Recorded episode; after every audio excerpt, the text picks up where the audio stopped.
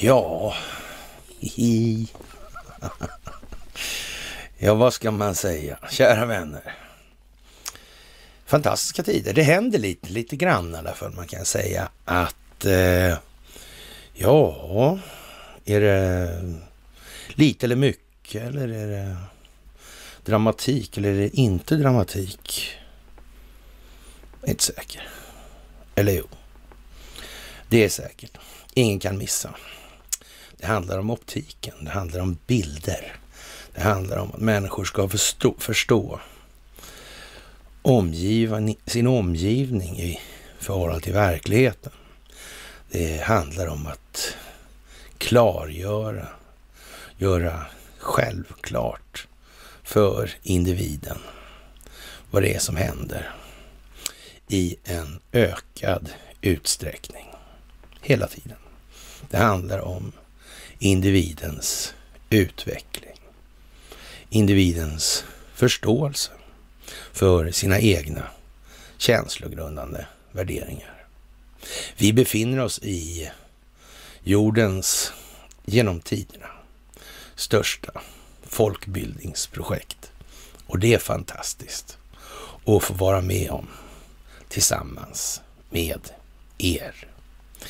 Ja, vi skriver den eh, 16 februari 2022 och eh, det är piglördag mitt i veckan som vanligt. Ja, och då minsann, då är det dags för ett onsdagsmys. Ja, det är mycket, mycket, mycket som händer och det är en dramatik som inte liknar någonting annat. Det finns att prata om. Vi kan konstatera att det går lite tungt för Investor på sina håll, måste man ändå säga. Och eh, det flyger inte riktigt för dem längre. Det gör inte det, det lyfter inte något bra. Det faller nästan fritt i en del sammanhang. Ett av de sammanhangen heter SAS.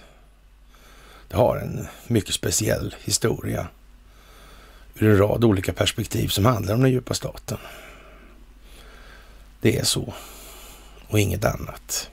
Och eh, det är inte det enda naturligtvis. På fredagen så ansökte rekonstruktören Plana om konkurs vid Attunda tingsrätt. Alltså det är någon form av marknadsledande bolag det här i det här sammanhanget. Och det har visat sig på något vis där att eh, till och med skattemyndigheterna börjar upptäcka att det här går ju inte riktigt rätt till. Det är någon form av plundring som pågår där och det inkluderar konkursförvaltare, alltså advokater. Det är ju märkligt. Det är väldigt märkligt. Tänk, det är konstigt det där alltså. Det verkar vara lite rättssystems beröringsvarning där va, nästan. De där advokaterna igen alltså. Det är inte bara de som saltar räkningarna har spilltid till och från samtal med sina klienter. Nej. Som offentliga försvar. Nej, det verkar finnas mer grejer alltså. Som sagt, det här med att göra upp bakom ryggen och sådär, det ska man kanske akta sig för. Det verkar komma surt efter. Man vet ju inte, helt enkelt. Kanske finns det dokumenterat. Man ska vara försiktig när man eh, avlyssnar andra. Om man gör det utan tillstånd, för då kanske andra kan göra detsamma utan att man själv kan klaga. Kan det vara så? Ungefär som det här med valfusk och demokrater och så. Det verkar vara lite sådär eh, tillvägagångssätt. Det här var planerat, som jag sagt. Det var planerat för länge, länge sedan. Och eh, ja, Sverige har sin roll i allt som sker i vår omvärld nu. Och den är betydligt större än vad väldigt, väldigt många människor har förstått. Ni ska ha det största av tack för allt ni gör i det här. Ni är den part som gör utvecklingen till vad den är. Och ni kan nu se hur vi faktiskt hamnar på ett nästan, ja, ska vi säga, tursamt vis. Tur är ju vad det är alltså. Mm. Så hamnar vi liksom rätt hela tiden. Fantastiskt. Medan andra på något vis inte ens tycks ha förstått vilken bana vi spelar på. Nu när de här händelseförloppen spelar ut sig parallellt i tid. Det är märkligt att de inte tänkte på det. Vad kan det bero på? Kanske inte, det kanske beror på att vi inte har påtalat det här i någon omfattning värd namnet. Nej, nej, nej, okej. Ja, ja, ja, så kan det vara naturligtvis. Mm, det kan vara så. Absolut. Vi ska inte utesluta det. Det ska vi absolut inte göra. Namnet Backman är någonting som hamnar i de här sammanhangen när det gäller företagsrekonstruktioner och konkurser. Det ska man minnas också i det här. Faktiskt. Bra att komma ihåg helt enkelt. En bra pryl liksom skulle man kunna säga. Jaha, Elon Musk donerade över 50 miljarder kronor. Det var rapporterat av SEC. Det är det där, ja, Security Exchange Committee. Där. Han har ju väx exchange, det är växelkurser det alltså. Jaha, konstigt. Ja, man vet ju inte vad som är vad här i världen. Mm. Ja, det är ju lite sådär äh, anmärkningsvärt kan man väl säga det här och det är ju kommit så långt nu att vi kommer ju till Ericsson och allt det här. Vi kommer till det lite senare och, och så att säga vad våran svenska prestation tvingas till att skriva i dagsläget och det är ju inte exakt vad de skrivit om tidigare. Så kan vi väl säga. När Anders Lindberg blir tvungen att, eh, ja, så att säga, recitera den ökända hästen från Troja och Karl Gerhard. Då kan vi säga så när jag påtalade det för honom någon gång där för hundra år sedan eller sådär, eller något, några decennier, eller något decennium sedan i alla fall. Då visste han fan inte vem Karl Gerhard var alltså. Det är, ja, sådär. Och han var ju den första att säga, det finns inga sådana här konspirationer. Det har han sagt rakt upp i ansiktet på mig. Din dumma jävel, tänkte jag då. ja, det var lite för mycket sagt kanske. Va? Mm. Som spindoktor hos, på 68 och åt Göran Persson kanske man inte tror på konspirationer. Ja, ja, ja, ja. Om det inte var tydligt förr för mig så var det i alla fall tydligt då, men det var tydligt för mig långt, långt, långt tidigare än så i alla fall.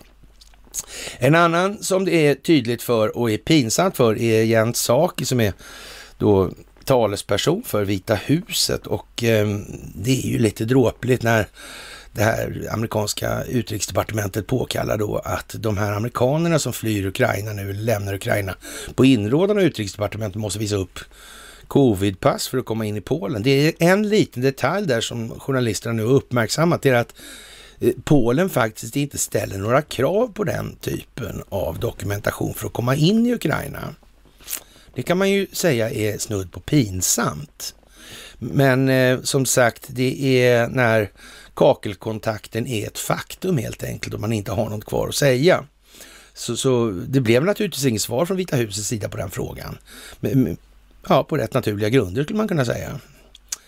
Men det handlar om optik, det handlar om att göra det klart, det handlar om att människor ska förstå det här. Och i grund och botten har vi som vanligt en och samma gemensamma nämnare. Det handlar om ekonomin i den delen. Och det här handlar om det moderna kriget. Det handlar om informationshantering. Det här känner ni till. Ja, och eh, idag ska ju som sagt ryssarna invadera Ukraina. Det är ju sagt så. Och eh, ja, det är Happy Russian Invasion Day har vi valt att kalla det för då. Och eh, det är ju lite sådär speciellt eh, när i samma andetag, och det här sker samtidigt som media vägrar prata om det här som händer i USA och ändå är det tio gånger större än Watergate och tycker då den forna presidenten Trump. Och pressen är korrupt och de gillar inte och, och så att säga, skriva om de här grejerna som händer i USA och det gör ju inte svenska pressen heller som alla kan se.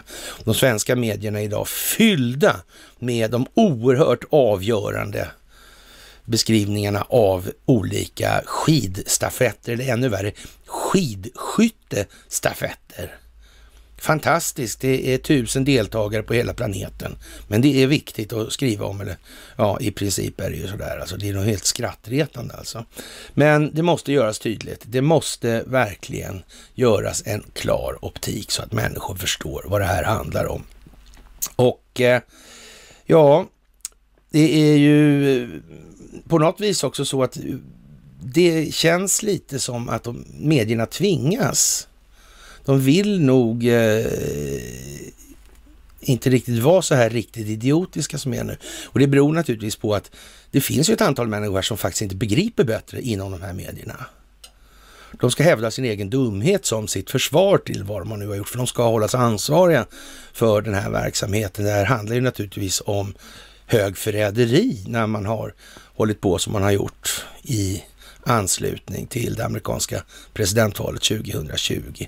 Och det är väl liksom ingen höjdare så att säga. De, ja, vad ska man säga, straffrättsliga påföljderna kan ju bli, om vi uttrycker oss milt eller hovsamt uttryckt då, eh, kännbara i en eller annan omfattning. Det, det, det, får vi nog utgå ifrån alltså. Och, och, det gäller nog i någon mån också svenska medier som har inte någon ringa koppling till den här bolagsstrukturen som har medverkat till de här historierna. Mm. Det är ju speciellt alltså. Det är ju lite speciellt. Och, och hur var det där med det där valet där alltså? Mm. Vem hade kontrollen egentligen på Eriksson när det hände? Mm. Konstigt. Mm. Ja, det är på något vis så att det här spelet kan ju inte hålla på så mycket längre då när man hamnar i den situationen som Jens Saki hamnar då. Och det här händer i USA nu med Durham-utredningen och så vidare. Det här håller inte längre. Det gör ju inte det. Och eh, ja, man får väl säga så här att eh, nu lyfter det ordentligt. I en intervju med Fox News sa den, förra 50, den 45 presidenten att det ser ut som att det här är bara början. För om du läser inlagan så, och har någon förståelse för vad som hände, och jag påkallar det här för länge sedan då, du, då kommer du att se att många saker händer ju faktiskt sådär och som har att göra med vad som egentligen bara är en fortsättning på århundradets brott. Och så är det ju naturligtvis, att man har suttit och täckt för det här sen. Det, det ser ju lite, vad ska vi säga, sådär ut alltså. Mm. Inte helt lyckat kanske. Det är svårt att framställa sig själv som moraliskt föredöme sen alltså. Efter det. Det kommer att finnas två sorters människor, människor efter det här och i det här. Det finns faktiskt de som sa någonting och försökte och så finns det alla andra. Det är så. Och, och, det må ju vara att man har försökt på taffligaste möjliga vis, eller, men, men det kommer ju ändå liksom att ligga en fadd smak i munnen kvar av det där. Alltså, hur kommer det sig att du inte förstod det här då? Det är ju inte så att du har saknat information om det. Vad är anledningen menar du? Du tänkte på dig själv först alltså, eller vad var det för någonting? Hur, hur kommer det här sig egentligen? Det är dit hän det här kommer dras. Så enkelt är det. Och ni är fantastiska. Det största av tack som vanligt för gåvor på Swish och Patreon. Eh, ett största av tack för att ni fördjupar er på karlnorberg.se, vilket kommer visa sig vara värt hur mycket som helst snart. Och eh, ett stort tack för att ni hänger på Telegramtjänsten. Ja, enligt Trump är det här en eh, så stor händelse att ingen har sett något liknande och han berättade också för Fox News att han inte hade någon insikt i anklagelsen som ingick i anmälan den 11 februari förrän den här anmälan offentliggjordes. Och det är naturligtvis viktigt att det är på det viset. Det här är ju ingenting som han ska styra på det viset. Det här ska ju systemet hantera. Det handlar ju om att mäta om huruvida säga, konstitutionen är värd sitt salt i ljuset av verkligheten. Och i dagens verklighet inte vid det tillfälle då den kanske möjligen skrevs eller så, utan det är i dagens läge. Och eh, vi vågar väl påstå att det här kommer att hålla streck, helt enkelt. Och dråpligheterna avlöser ju varandra givetvis och vi minns då den här Victoria Freeland, eller Christia Freeland, som hon numera nämns där. Och det har blivit, det har blivit lite lustigt på något vis alltså. Och eh, ja, vi har ju tagit upp det här med hennes verksamhet i Latin, Syd och Latinamerika, alltså Latin Sydamerika. Mm, och vad hon har gjort och vad det är för lirare. Och nu visar det sig så här att henne, hennes då, hon är ju då ja, vice premiärminister och ehm, ja, hennes farfar då, han var ju eh, nazist då liksom och, och, så vidare. Och det här mönstret, ni känner ju igen det alltså. Det verkar på något vis, hon verkar ju vara nästan så arketypen som ska hamna där. Hon, även om hon så att säga inte är rakt igenom någon, någon Dino motsvarande då, utan kan, eller eh, Rhino då, så, så ja, hon har nog eh, fått lite dörrar öppnade för att ska hamna just där det hamnar, för att den här optiken ska bli tillräckligt tydlig och klar, för att människor ska kunna förstå, se den självklara bilden. Så är det också, naturligtvis. Jaha, och eh, då går vi väl hem i Sverige och tittar vad som finns i stugorna här, förutom tv-apparaterna. Och eh, ja, det är ju lite sådär uh, speciellt när Ann Linde säger ett väpnat angrepp på Sverige kan inte uteslutas. Ja, det handlar ju inte om Ryssland, det har ju alla kommit överens om. Så är det. Så vad är det för någonting då?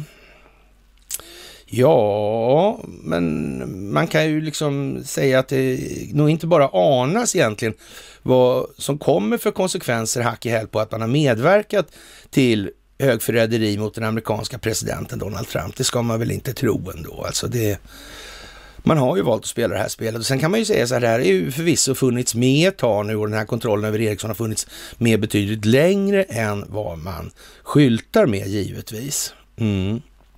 Därför att folk inte ska dra öronen åt sig och fortsätta bete sig som korkade svin. För att man ska kunna spela in de här. För att man ska kunna dokumentera vad de egentligen har tänkt och tyckt och gjort. Och då spelar deras jävla sprattlande i efterhand ingen som helst roll. Det finns närmast oändligt mycket information lagrad för det ändamålet, vill jag påstå. Annars vore ju så att säga den här sidan som bekämpar den djupa staten närmast fullkomligt imbecill om de inte har gjort så. Det är klart de har. Vem ska klaga? Den djupa staten? Nej, det tror jag inte. Det handlar bara om att göra det rättsligt välgrundat, helt enkelt. Det handlar mycket om de här FISA-domstolarna. Varenda en av de här människorna har varit avlyssnad. Vi minns historien med USA som avlyssnade svenska politiker genom Danmark. Det har ingenting med det här att göra alltså. Jo, det har med det här att göra. Det har med exakt det här att göra. Att göra heter det. Jaha, och hon höll ett litet tal här igår då och Ann Linde inledde talet med att slå fast att vi befinner oss i ett allvarligt säkerhetspolitiskt läge. Och det kan man väl minst sagt säga, eller milt uttryckt säga, att man gör om man har medverkat i den här typen av verksamhet som innebär högförräderi för de amerikaner som har deltagit i muntrationer eller vad vi ska kalla dem för. Ja, och det här handlar ju naturligtvis om det eviga Rysslands tramset då och eh, Rysslands ökade konfrontativa retorik och militära aktiviteter, både synliga och dolda, är oacceptabla. Den upptrappade ryska militära närvaron i Ukrainas gräns och de ryska kraven på säkerhetsgarantier hotar kärnan i den europeiska säkerhetsordningen, säger Ann Linde. Och den här europeiska säkerhetsordningen som då uppbärs egentligen av EU då på något vis. Ja, hur, hur ska det gå med EU egentligen? Det säger väl lite grann. Och, och, och att Ryssland beter sig som de gör, det, det kan ju inte riktigt Alltså, det är inte helt oförklarligt om man säger som så alltså. Hon säger att den europeiska säkerhetsordningen inte är förhandlingsbar. Nej, det tror väl fan att den inte är. Den går ju inte ens att diskutera i den meningen eftersom den bygger på vad den bygger. Och den här NATO-doktrinen som går ut på att hålla Tyskland nere för att kunna hålla Ryssland ute från Europa. Ja, vad är det för någonting? Mm. Det har vi pratat om hur mycket som helst. Och de här föreläsningarna, det är väldigt viktigt alltså. Det är väldigt viktigt, speciellt den här med spionfabriken just nu som finns översatt till engelska. Sprid gärna den. Det är en, ett bra kliv på vägen helt enkelt för många. ja, att stå upp för Ukrainas suveränitet och territoriella integritet är nödvändigt för hela Europas säkerhet. Ja, vi har väl nämnt det vid något enstaka tillfälle att eh, det kommer att rulla in i Sverige via Ukraina på ett eller annat vis alltså. Ukraina är någon form av nav här. Det ligger liksom mitt i om vi säger som så. Och eh, någonstans så är det väl så också det här med telefonerna, det här med kraftförsörjningen och de här grejerna. Det spelar nog en roll alltså. Så är det. Det tycks vara så ändå alltså.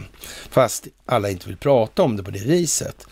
Och eh, ja, enligt utrikesministern är vägen framåt fortsatt dialog och diplomati. Ja, det låter ju vackert i och för sig då, men och eh, vi ska väl säga det också att den här eh, Victoria eller Christia Freeland då, och jag vet inte om det där med att man kallade den för Victoria, förut var det något skämt då med drottning Victoria kanske.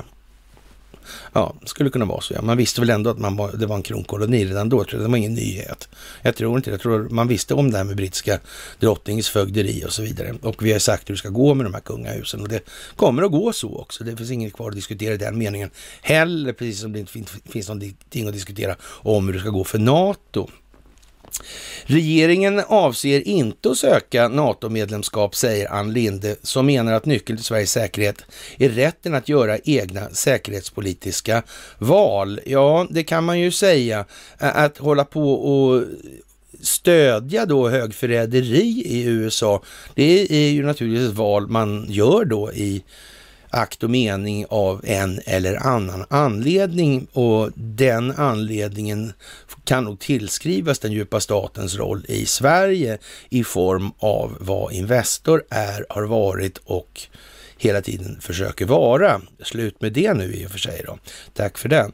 Men eh, ja, som sagt, det blir ju lite tunt det här och eh, vår säkerhetspolitiska linje ligger fast. Vår militära alliansfrihet tjänar oss väl och bidrar till stabilitet och säkerhet i norra Europa. Ja, men problemet är ju faktiskt det att det bidrar till en hel del annat också på övriga delar av planeten sådär. Alltså det här med att hålla på att exploatera det, och på det viset, det är inte sådär riktigt bra när de andra delarna av världen kommer på det och det är inte ens bra innan dess heller. Men det blir definitivt mycket värre när andra länders befolkningar upptäcker vad som faktiskt har varit och vilka som ligger bakom det här. Det kan vi vara helt säkra på.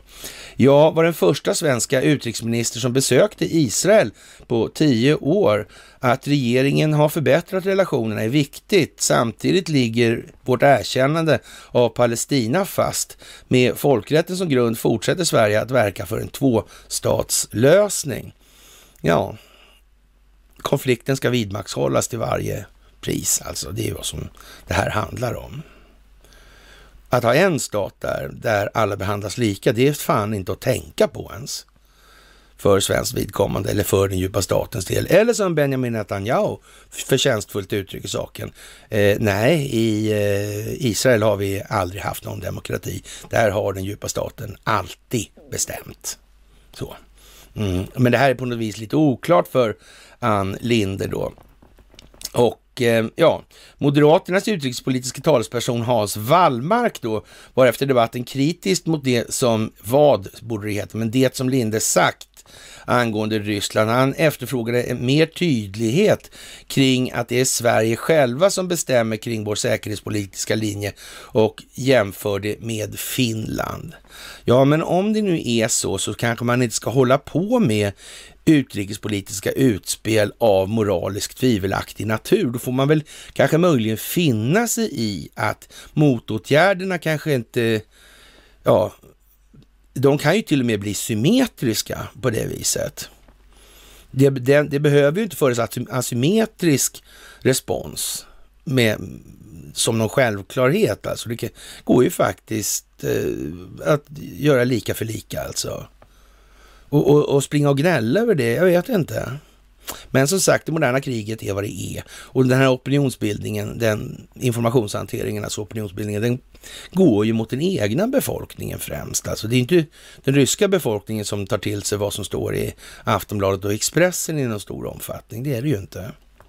Lika lite som den svenska befolkningen i allmänhet faktiskt läser ryska medier. Det ska man ju också tänka på i det här. Och eh, ja, det finns en mognare debatt även bland partierna som är emot ett medlemskap i NATO. Regeringen i Sverige säger att det är vi som beslutar om våra egna politiska vägval. Där är vi helt lika med Finland. Men eh, senast senare säger regeringen att Sverige inte ska ansöka om medlemskap i NATO. Det är den andra meningen som urholkar den första, säger Wallmark då. Och eh, ja, i det läge vi nu befinner oss utmanar ja, Ryssland och den europeiska freds och säkerhetsordningen, då måste man vara jättetydlig. Det kan man inte komma med inskjutna bisatser, då är man inte jättetydlig tycker han. Och eh, Adaktusson, ja, vi behöver inte ens säga vad Adaktusson sa, han är ju liksom som han är och, och ja, det, det, är ju liksom mera pinsamt. Wallmark har ju i alla fall kunnat misstänkas för att vara lite mera eh, moraliskt nykter i de här sammanhangen. Men man får nog se att den har nog sålt sig rätt så rejält ändå. Alltså. Men det vet vi inte än, alltså helt och säkert. Det kan ju vara spel hit och dit alltså. Och eh, ja, Enligt uppgift är det första gången det här har hänt under efterkrigstiden på det här sättet. Det är mycket allvarligt säger i alla fall Adaktusson. Det här är mycket katastrofalt alltså. Och eh, ja, han menar att oklarheter kring Sveriges säkerhetspolitiska linje ger utrymme för Ryssland att inkorporera Sverige i en rysk intressesfär. Ja, nu är inte jag så säker på att Ryssland, eh, vi har så mycket som Ryssland vill ha. Det är kanske Adaktusson som vi gärna vill tro det och han har ju en tendens att se sig själv som något upphöjd över befolkningen i gemen. Alltså det tog det stå klart för alla som har sett hans uppenbarelse där. Och, och ja, det, det är ju liksom, eh, vad ska vi säga, egentligen är det pinsamt att det här ska behöva diskuteras som det gör nu, men det här måste ändå bli en eh, tydlighet som är tillräckligt för att tillräckligt många ska förstå tillräckligt mycket. Och eh, ja, vad ska man säga? Sverigedemokraterna vill ge mer pengar till det svenska försvaret och, och, det är ju liksom vad det är. Behöver vi det där försvaret egentligen? Behöver vi underrättelsetjänstkollektivet? Det verkar inte så i USA. När, det är ju trots allt så att CIA har begått högförräderi i i alla fall inte någon ringa omfattning och det har ju funnits en ansvarig ledning där som förvisso kanske har så att säga, spelat med det här för att kunna röja ut det ordentligt. Så. Mm. Men vad den där ska eh, finnas för, det är ungefär som vår säkerhetspolis alltså. De finns inblandade i allting de inte borde vara inblandade i snarare. Det verkar ju som att de har ju varit ett politiskt redskap och ingenting annat. Ett politiskt verktyg på något vis.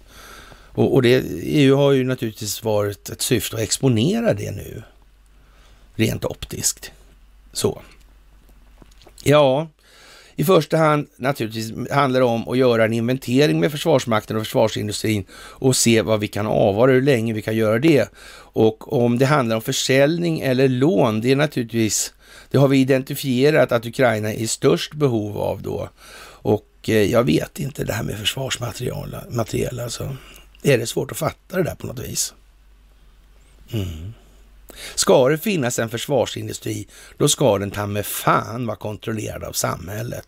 Annars kommer den bli enskilt vinstmaximerande och det i sin tur på sikt kommer alltid att leda till förluster för samhället.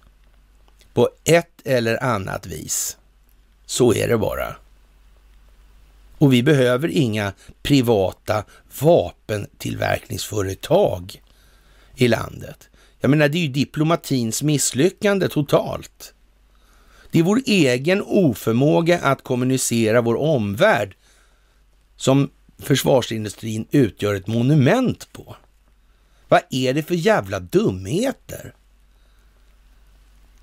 Vad är det för humanitär stormakt? Det håller ju inte en streck i den egna resonemangskedjan. Det är ju helt värdelöst tänkt.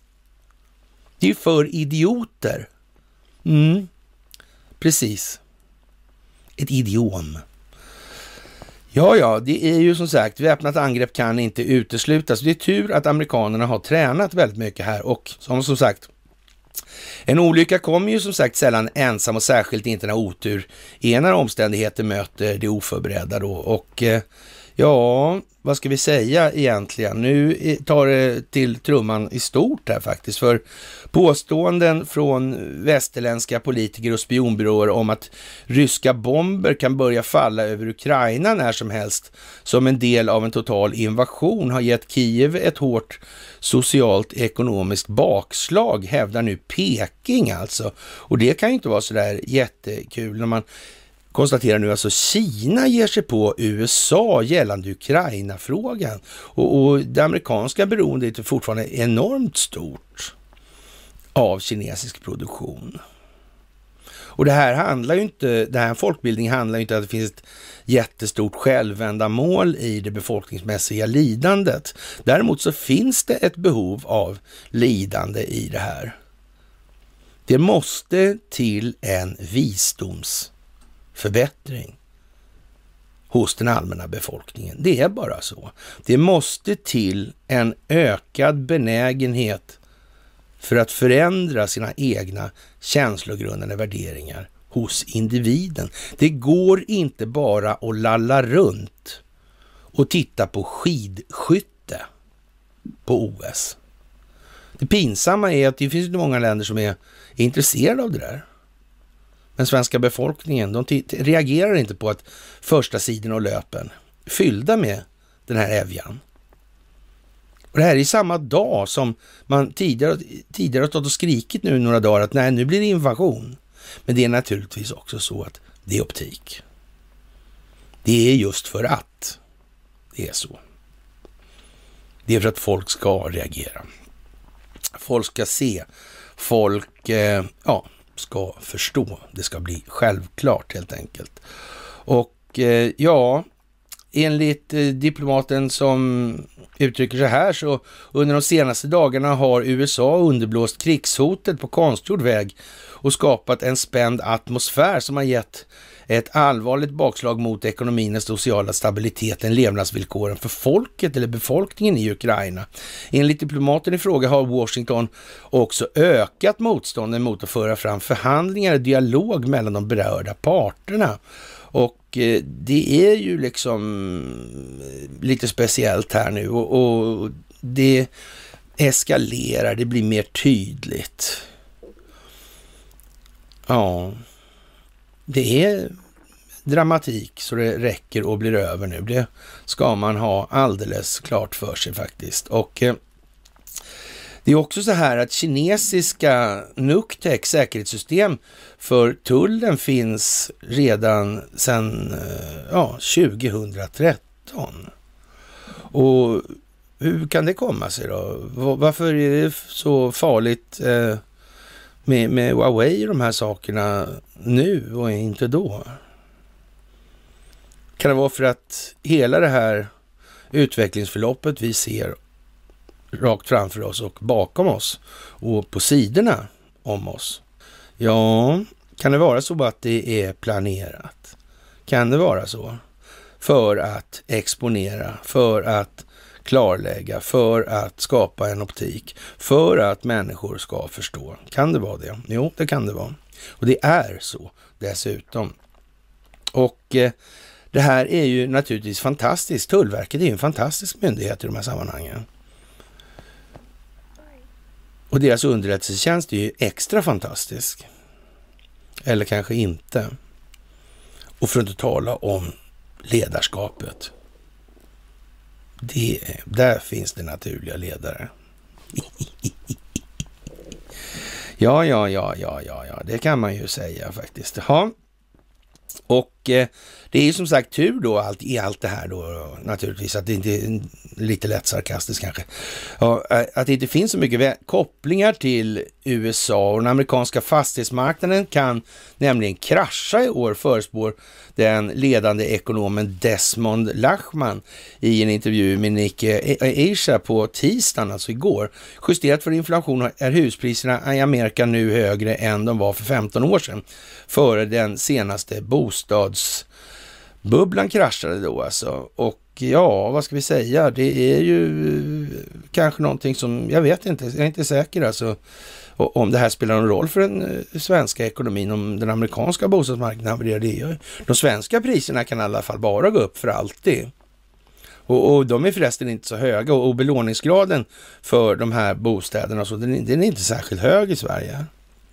Och privatbelåningen är inte särskilt hög överhuvudtaget i Sverige. Nej. Men vem vet, det är kanske så att the sky is the limit. Man kan ju inte vara säker. Jaha, stor ökning av beslagen av tramadol då. Ja, det blev ju inte sen det där röntgensystemet kom, det kan man ju säga. Så där, men det verkar ju snarare vara så att det är systematiserat att det här ska komma in då på något vis eftersom de hade, har ju haft den där röntgenutrustningen redan tidigare. För det verkar ju inte vara där det sitter direkt. Mm, jag vet någon sån här tullinspektör som konstaterade då att det kom alltid samma bolag vid samma tider och sådana här grejer. Och, och det verkar konstigt för det var alltid på, ja, där det var låg personaltäthet. Alltså. Det där blev jävligt liv. Det var ju han Svin-Erik Alhem, han blev jävligt lack på det där alltså.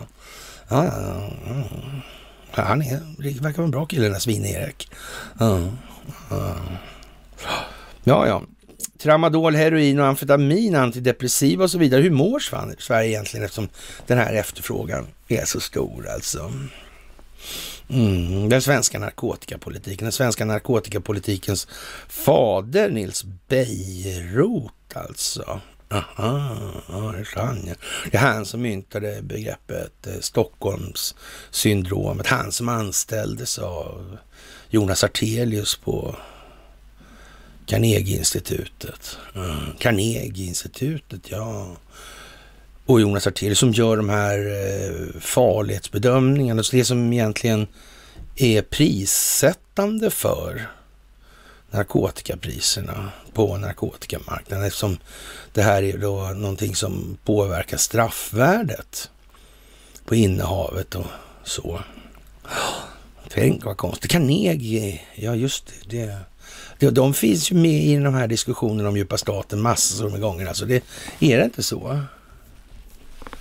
Verkar det inte vara lite märkligt det där? Mm. Ja, ja, men visst, det kan man ju kanske vara konstigt liksom egentligen. Jättekonstigt. Mm. Jaha, och eh, ja, storägaren Investor. Nu kommer vi till det här som är då vad man kan kalla för egentligen det enda vi behöver prata om idag. Och det är ett par frågor, men, men det här är ju liksom det här själva kärnan här. Och eh, vi har gjort en ingress som kan ha möjlighet med samarbete med det amerikanska justitiedepartementet att göra då, det har vi talat om tidigare här. Alltså, mm. Kan det vara någonting i de här sammanhangen? Kan det vara det? Mm. En gång sa ju en politiker så här alltså om den här familjen. Det här handlar om en artikel då i Dagens Industri som in, handlar om då när storägaren Investor då som uttalar sig då via då ja, Jacob Wallberg då att Ericssons styrelse och ledning har vårt fulla stöd, säger Investor i det här. Och det är som sagt, det är lite konstigt därför en gång i tiden sa en, politik, eller en politiker från USA eh, om den här familjen att den räddades mer av det kalla krigets uppkomst än av sin egen förbättrade affärsmoral. Alltså största ägare i Ericsson är alltså familjen Wallenberg. Och, och det är familjen Wallenbergs maktbolag Investor som enligt ägartjänsten Holdings kontrollerar 8 procent i, nu snackar vi alltså A-aktier här alltså och 8 procent av kapitalet och knappt 24 procent av rösterna i bolaget. Jacob Wallenberg är även vice ordförande i styrelsen och eh, Ericssons nuvarande vd Börje Ekholm var vd på Investor under perioden 2005 till 2015. Med anledning av tisdagskvällens pressmeddelande från Ericsson det handlar alltså om att man har mutat IS, alltså det är samma IS som är startat av verkställande, verkställande handen, alltså CIA och, och, under Obama och med Hillary Clinton som utrikesminister. Och eh, det är nu vad det är det här.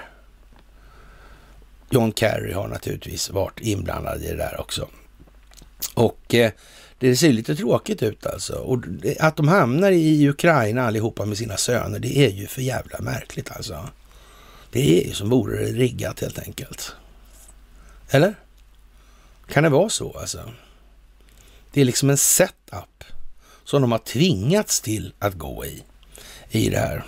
Förblindade av sin egen girighet alltså. Och eh, ja, då säger i alla fall herr Wallenberg då som eh, vars släkt blev rädd, mer räddad av det kalla krigets uppkomst än av sin egen förbättrade affärsmoral. Att med anledning av eh, tisdagskvällens pressmeddelande från Ericsson uppger Investor i en kommentar att det är att det är aldrig acceptabelt med bristande affärsetik. Alltså. Och det kanske inte var det bästa som man kunde sagt. Och det kanske möjligen även var så att han var tvungen att säga just det där för att göra det liksom riktigt extra jävla tydligt. För det här är naturligtvis någonting som Ja, vi kommer tillbaka till det här flera gånger nu här alltså. Ericssons styrelse och ledning har vårt fulla stöd i det fortsatta arbetet med att stärka interna processer för regelefterlevnad och för att motverka överträdelser. Bristande affärsetik är aldrig acceptabelt. Vi tycker det är bra att bolaget nu är transparent säger man då i ett pressmeddelande och ger en uppdatering om en intern utredning med anledning av frågor från media. Uppger Vika Hirdman, och har, det är ett konstigt namn det där Hirdman, det låter som en ambassadör skulle jag säga. Hirdman Ryberg, Ryrberg, eh, ja, kommunikations och hållbarhetschef för eller på Investor, då måste man ju ändå säga, det verkar ju lite märkligt alltså. Vilken succéinsats hon har gjort. Verkligen.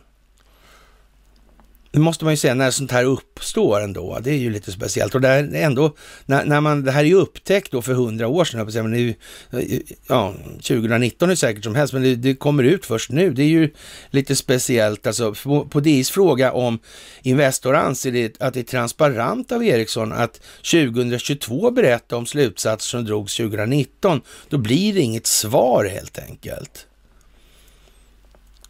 Så det är ju på något vis så att det här är ju stacklat och det är ju meningen att folk ska se. Det är meningen att folk ska förstå i det här. Det är ju väldigt udda, det får man nog säga faktiskt.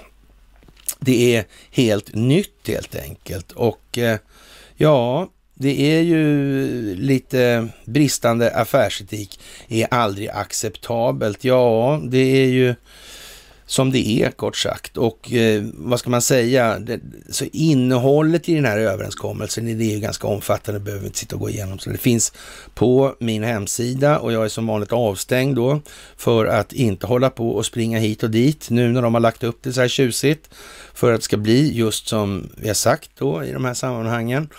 Och eh, ja, vi tackar ju för naturligtvis för att de gör det. Det är inget, inget snack om den saken. Men, men, men, men, men. Det här går jättebra och ni gör det här jättebra framförallt och därför går det faktiskt jättebra.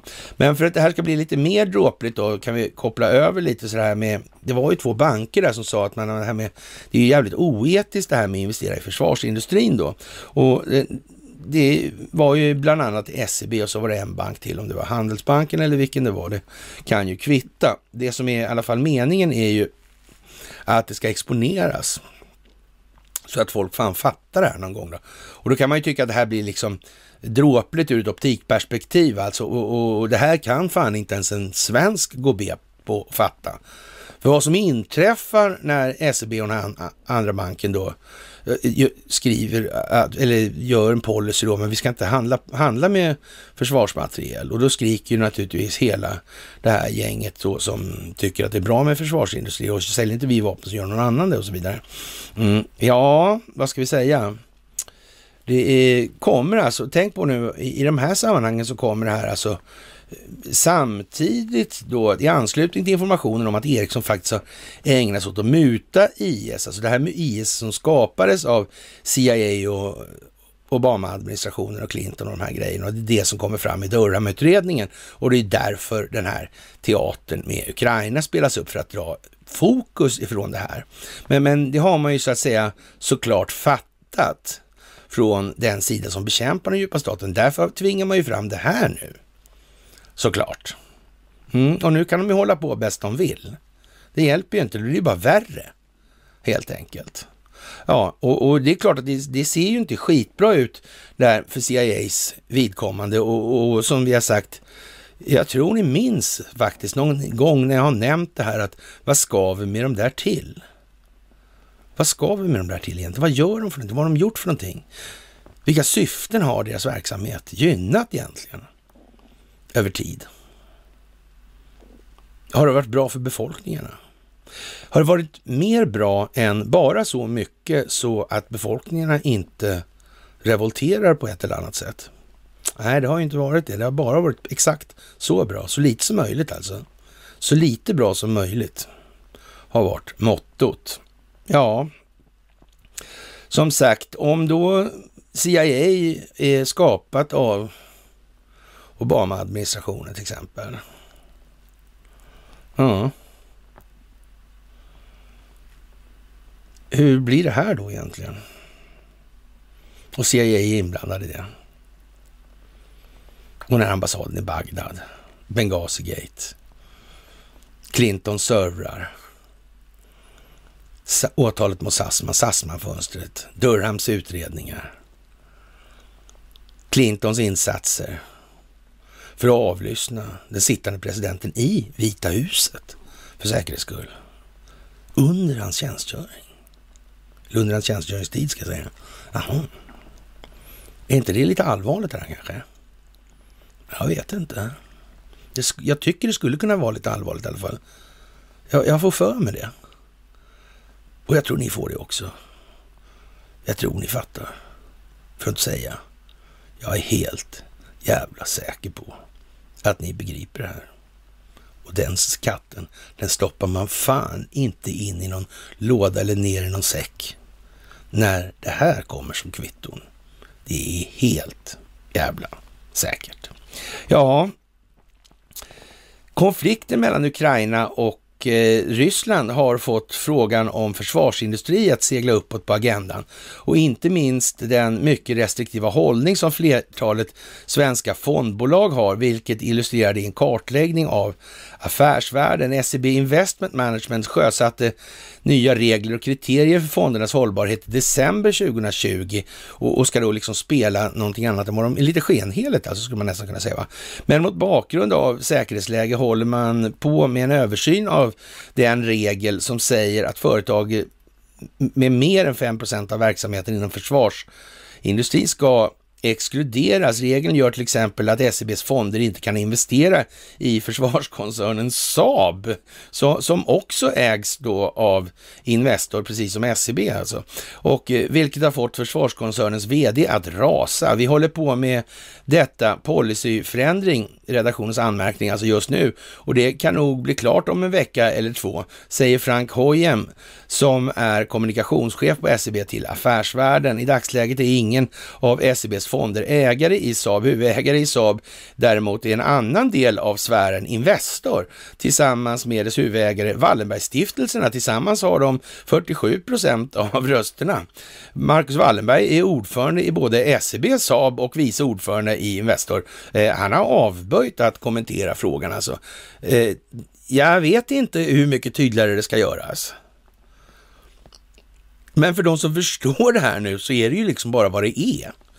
Och det är ju inte exakt skitsvårt, kan man tycka alltså. Men det är klart att det förutsätter ju någonstans också i det här att man kanske inte lägger fullt lika mycket tid på, ja, om vi ska säga skidskytte i Kina. Möjligen.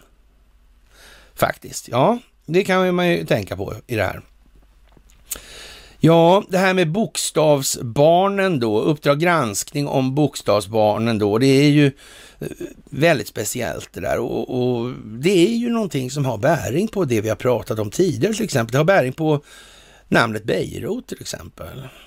Mm. Och det här med Stockholmssyndromet, diagnoser på något vis, alltså det är lite grann sådär va. Det kan man ju säga. Kan man säga. Det finns kanske någon Beirut som håller på med sådana här barndiagnoser, typ någon, någon dotter till Nils kanske. Kan det vara så? Woo! Men då skulle det kunna... Be ja, det skulle, det skulle kunna betyda det i alla fall. Vi ska inte utesluta det, inte på något sätt. Inte än. Inte på långa vägar ännu. Kanske, vem vet? Kanske möjligen inte alls. Kanske det är så. Det visserligen ser det bara ut som en anka, går som en anka, ja, låter som en anka, luktar som en anka och flyger som en anka och allting annat anka. Fast det mesta blir bara Kalle Anka. Om man försöker göra det till något annat än en anka. Mm. Så kan man säga också faktiskt. Ja, det är ju... Och vad, vad handlar det om då? De här med fentanylen och läkemedelsindustrin, diagnoserna. Vad handlar det här om? Kanske det handlar om enskild nyttomaximering. Kan det vara så egentligen? Kan det vara på ett annat sätt? Jag har för fan ingen aning alltså. Det har inte ni heller. Nej men eller hur, eller hur, eller hur. Okej, okay, men om man inte har fattat det här förr så tar vi en till då i det här. Och eh, ja, man har skitit i det blå skåpet alltså. Och nu har man gjort CIA förbannade alltså. Det handlar om zero hedge alltså. Och, och, och, och det här är ju liksom, ja vad ska vi säga? Vad ska vi säga? Den här webbplatsen var den första som för, de har ju lite blandad konfekt på Zero Hedge. Va? Och, och, det är ju bra. Det är från båda sidor så att säga. Det finns ju sådana här Eh, kategoriska filosofiska materialistiska stolpskott då, som Brandon Smith till exempel. Det finns Gatestone som är liksom eh, någon jävla, eh, ja, vad ska vi säga, eh, anti-islam-sida liksom och så vidare. Så där. Det är helt otroligt.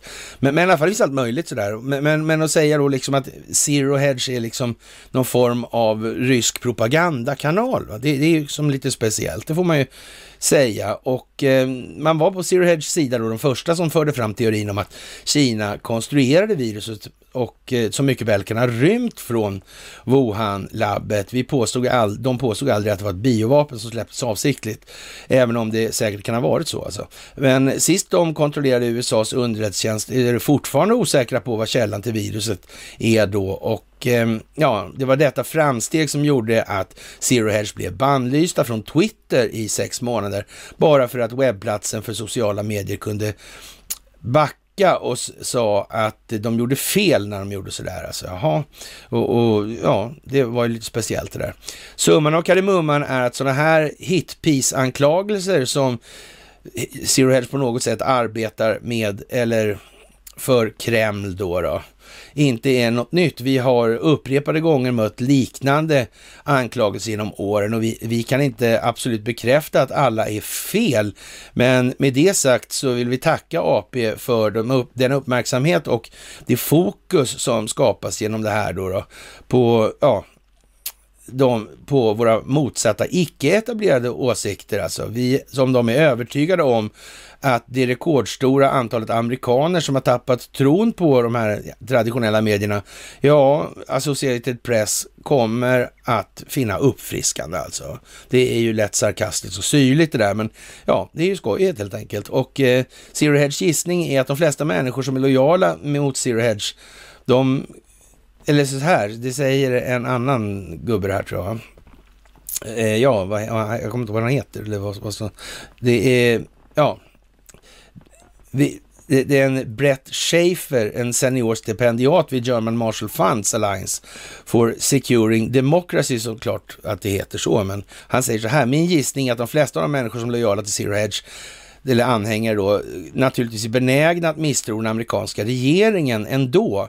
Och eh, och detta tillkännagivande kommer förmodligen inte undergräva det här. Det mesta av Zero Hedge kärnstöd kommer att bestå och Zero Hedge svarar väldigt artigt då och säger så att vi instämmer här när det gäller eh, CIA. Nej, vi kommer aldrig att eh, dejta CIA helt enkelt någonsin alltså.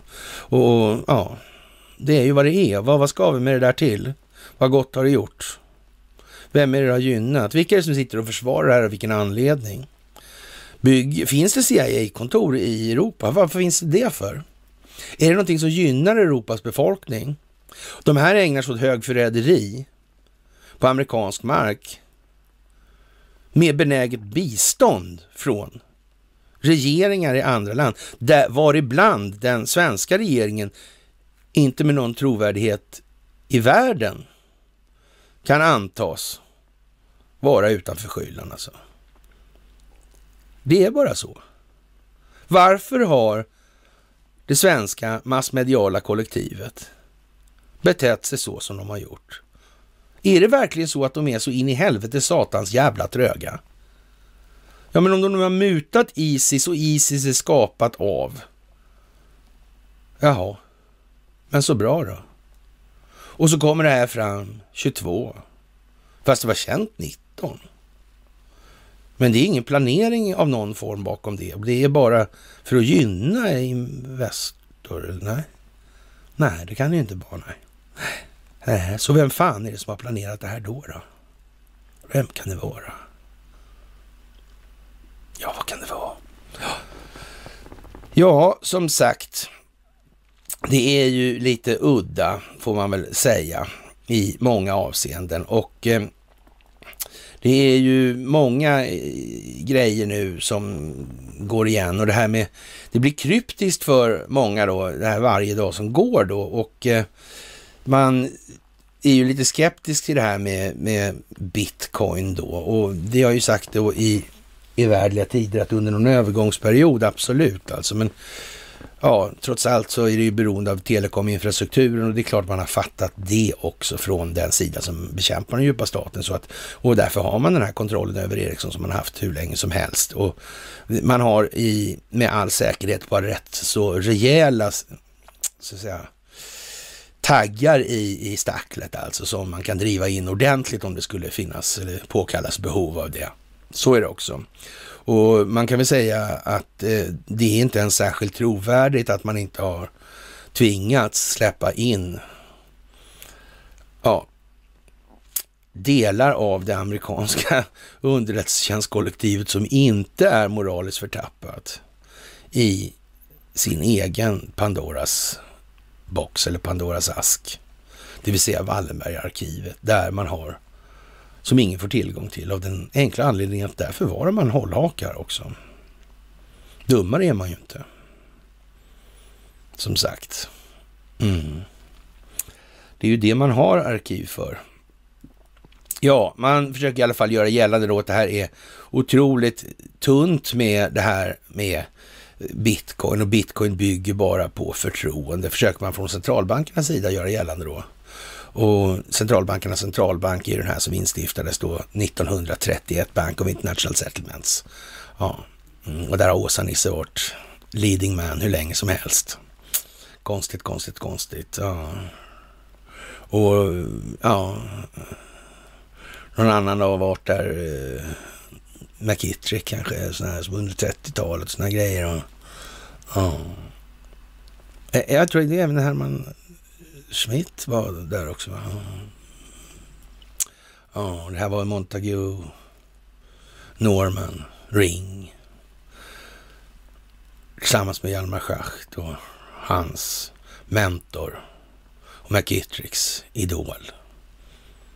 Marcus Laurentius Wallenberg. Och det var de här tre sakerna som skulle uppnås innan världsekonomin kunde återhämta sig. Det vill säga pundet från guldet, Kryger omkull och den formationen av det tyska banksystemet. Och det visste man om innan. Var inte det konstigt? Var det kanske planerat? Ja, kan det ha varit det? Ja, det kan det ha varit. Det kan det ha varit det. Mm. Jaha, det är som sagt lite eh, tajmat nu alltså. Det går till sig skulle man kunna säga och eh, Honduras tidigare president grep för narkotikabrott alltså på amerikansk begäran nu. Mm. Konstigt. Honduras är alltså, om vi ska kalla det för det då, i de här sammanhangen då, en strategisk fördrängning i den meningen. Det flödar igenom där. Det är som en tullstation. Att kontrollera den presidenten, det är helt givet att man måste göra från den djupa statens sida. Det bara måste vara så. Punkt, jävla, slut. Det där med Centralamerika. Värt att fundera lite på, som strategisk förträngning betraktat. Mm. Det måste ju upp dit till Nordamerika på ett eller annat sätt. Mm. Det är inte bara att man använder ett sätt. Det är precis som med valfusket i USA. Det är inte bara ett sätt. Det är alla sätt som bara går och kan tänkas.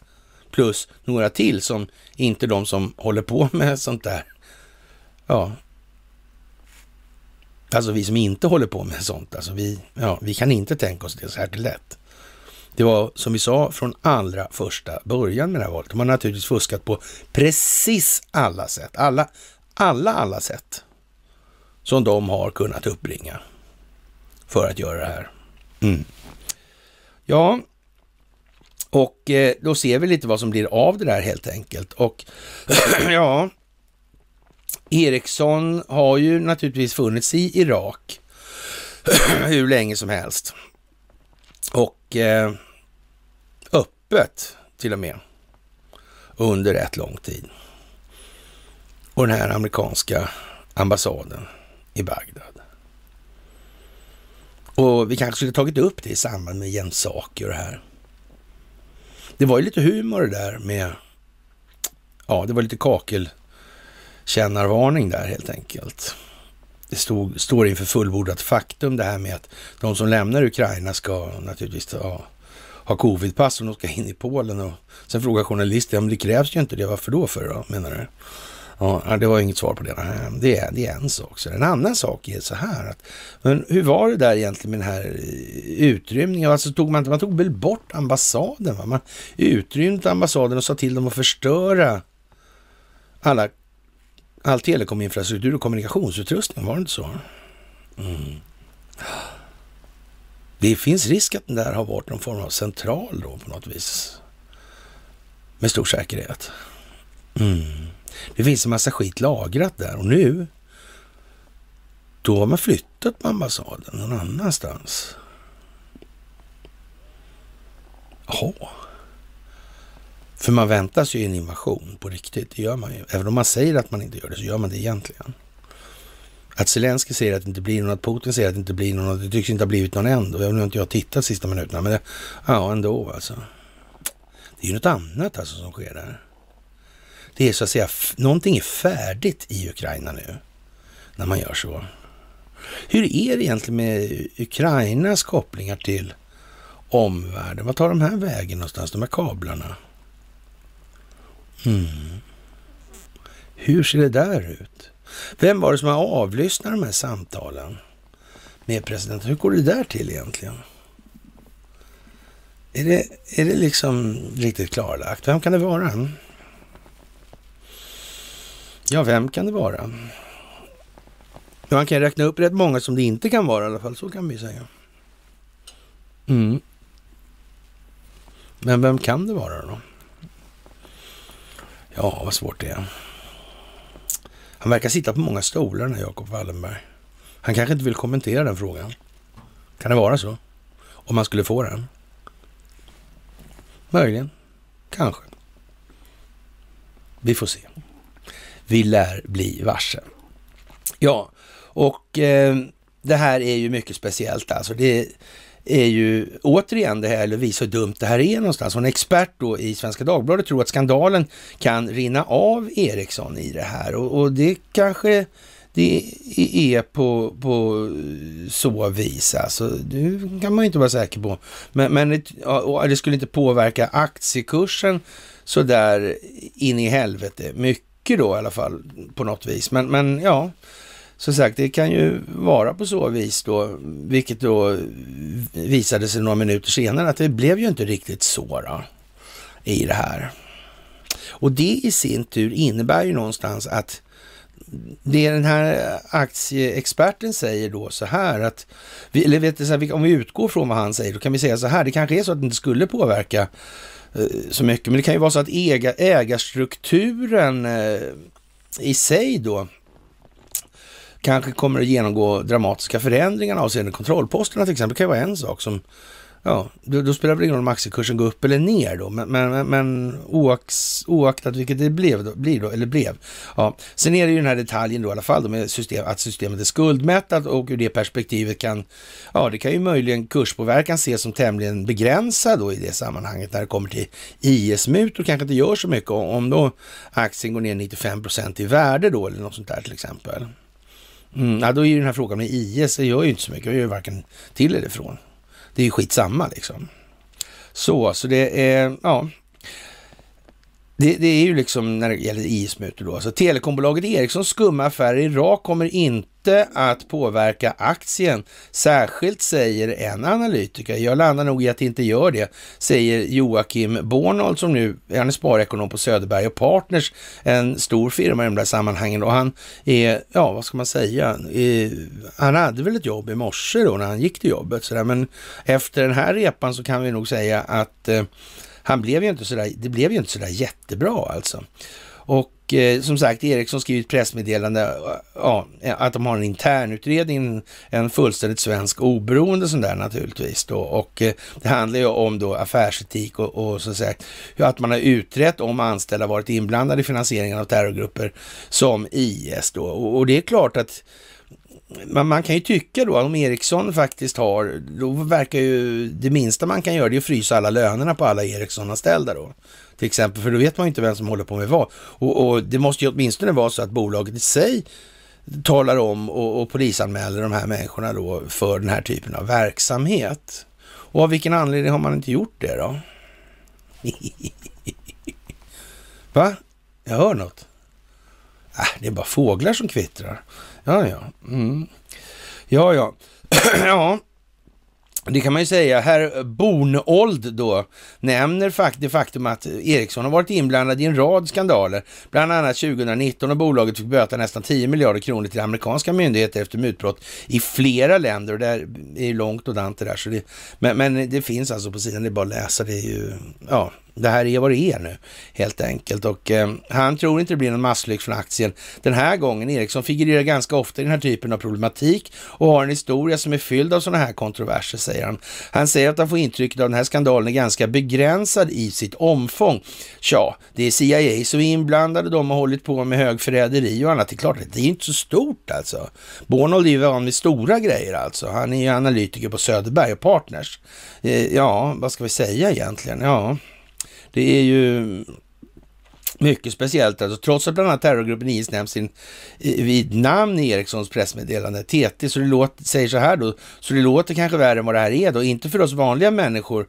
Det är förstås inte vackert, men ur ett börsperspektiv där man egentligen bara sätter priset på en risk, tror jag att jag inte att den blir så jättestor. Alltså Ericsson är fortfarande en folkaktie enligt Bornold och man äger omkring 400 000, eller 400 000 svenskar äger aktier i det här bolaget. Han säger att det finns fler sådana bolag som hamnar i trångmål, bland annat Telia då, och han syftar alltså på Fiskögas verksamhet i till exempel Uzbekistan då. Och, eh, men tillägger att sparare bör känna till att telekommunikationer är en tuff bransch. Alltså, man rör sig i områden där det här är en realitet. Det går inte att blunda för det som som aktieägare det är inte bara ett storbolag, man bygger också infrastruktur i områden som i allra högsta grad är känsliga, säger han.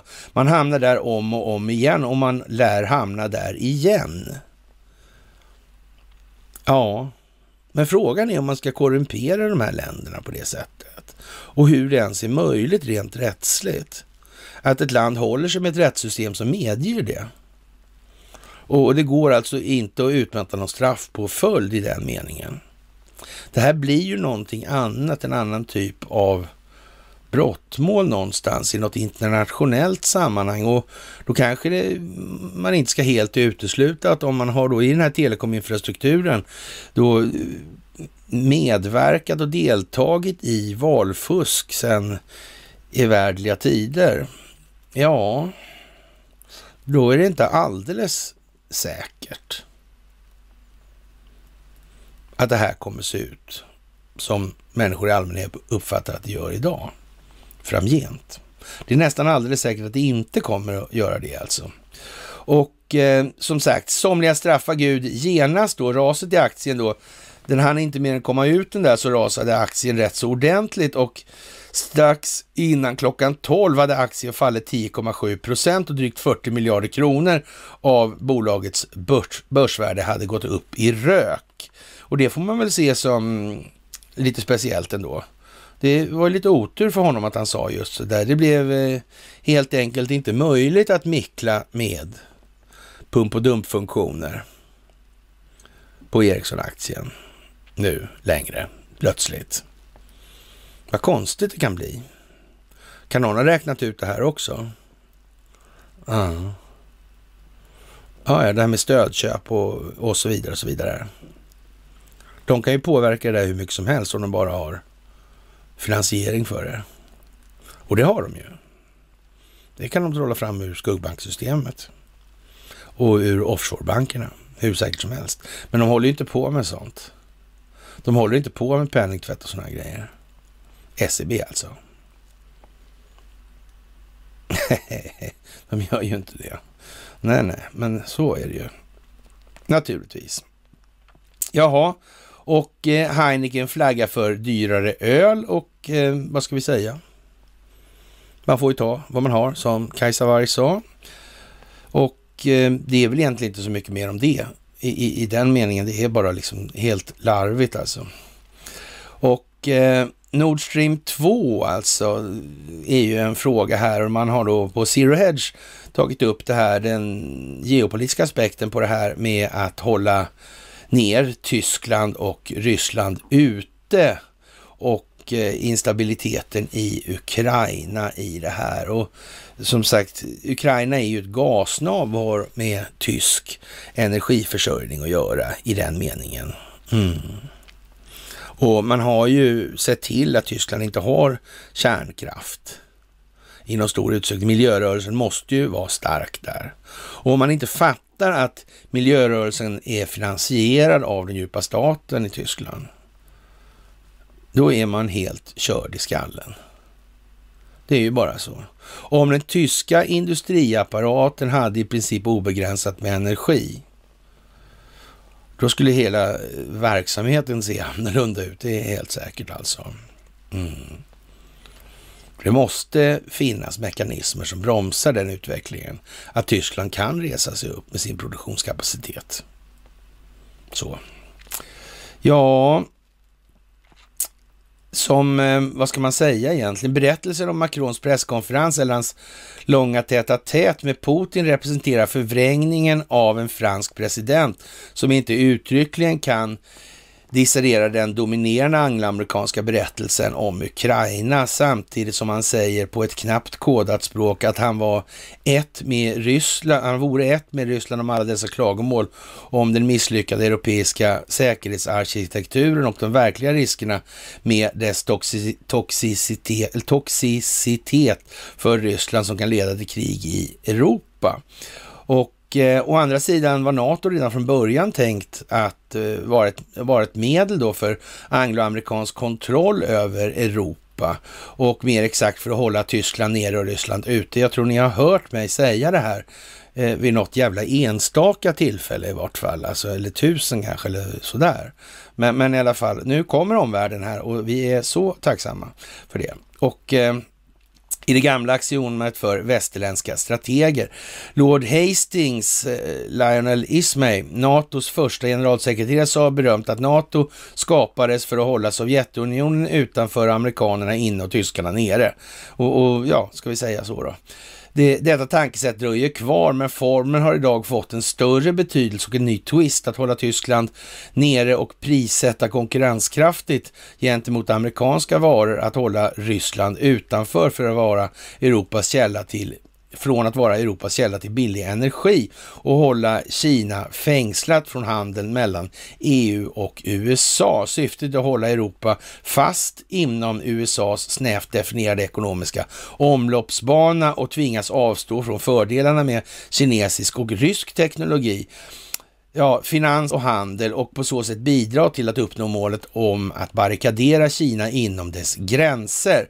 Till stor del förbises den geopolitiska betydelsen att Kina för första gången direkt ingriper, tar en mycket tydlig och kraftfull hållning i en fråga som är central för europeiska angelägenheter. På längre sikt tyder detta på att Kina kommer att inta en mer politiskt orienterad, ett poli, mer politi, politiskt orienterat förhållningssätt till sina relationer med europeiska stater.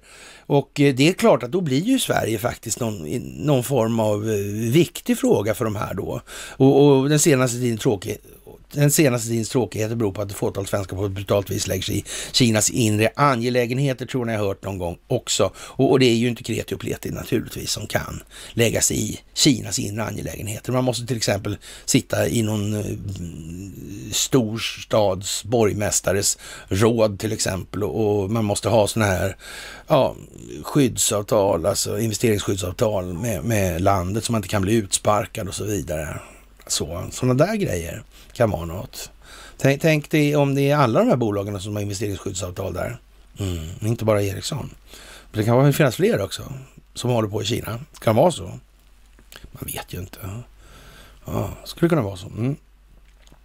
I detta sammanhang vid eh, Biden och Olof Scholz presskonferens i Washington den här veckan upplyst ja, blink, i blinkande neonljus för att alla att se mobbade Biden bokstavligen Tyskland till ett åtagande att skrota Nord Stream 2 om Ryssland skulle invadera Ukraina, vilket återspeglade Washingtons syfte till att hålla Tyskland i förbindelse med blockdisciplinen. Han sa faktiskt om att om Scholz inte, ja, så att säga, gör så här med Nord Stream, då skulle Biden göra det. Jag kan göra det, underströk han då. Ja, det blir ju hårt för Tyskland då. De måste ju välja helt enkelt. Förr eller senare så måste de ju det. Och de kommer nog uppfatta att de ligger där de ligger. Jaha.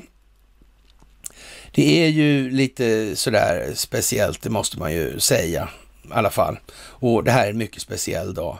Vi har någonting i pipen här nu som kommer och det handlar om Anders Lindberg och han är ju så att säga lite pigg på det här med Karl Gerhard numera då av någon anledning som vi inte riktigt förstår. Ja, han är väl inte någon av mina stora beundrare kanske direkt. Så tror jag inte. Nej. Mm.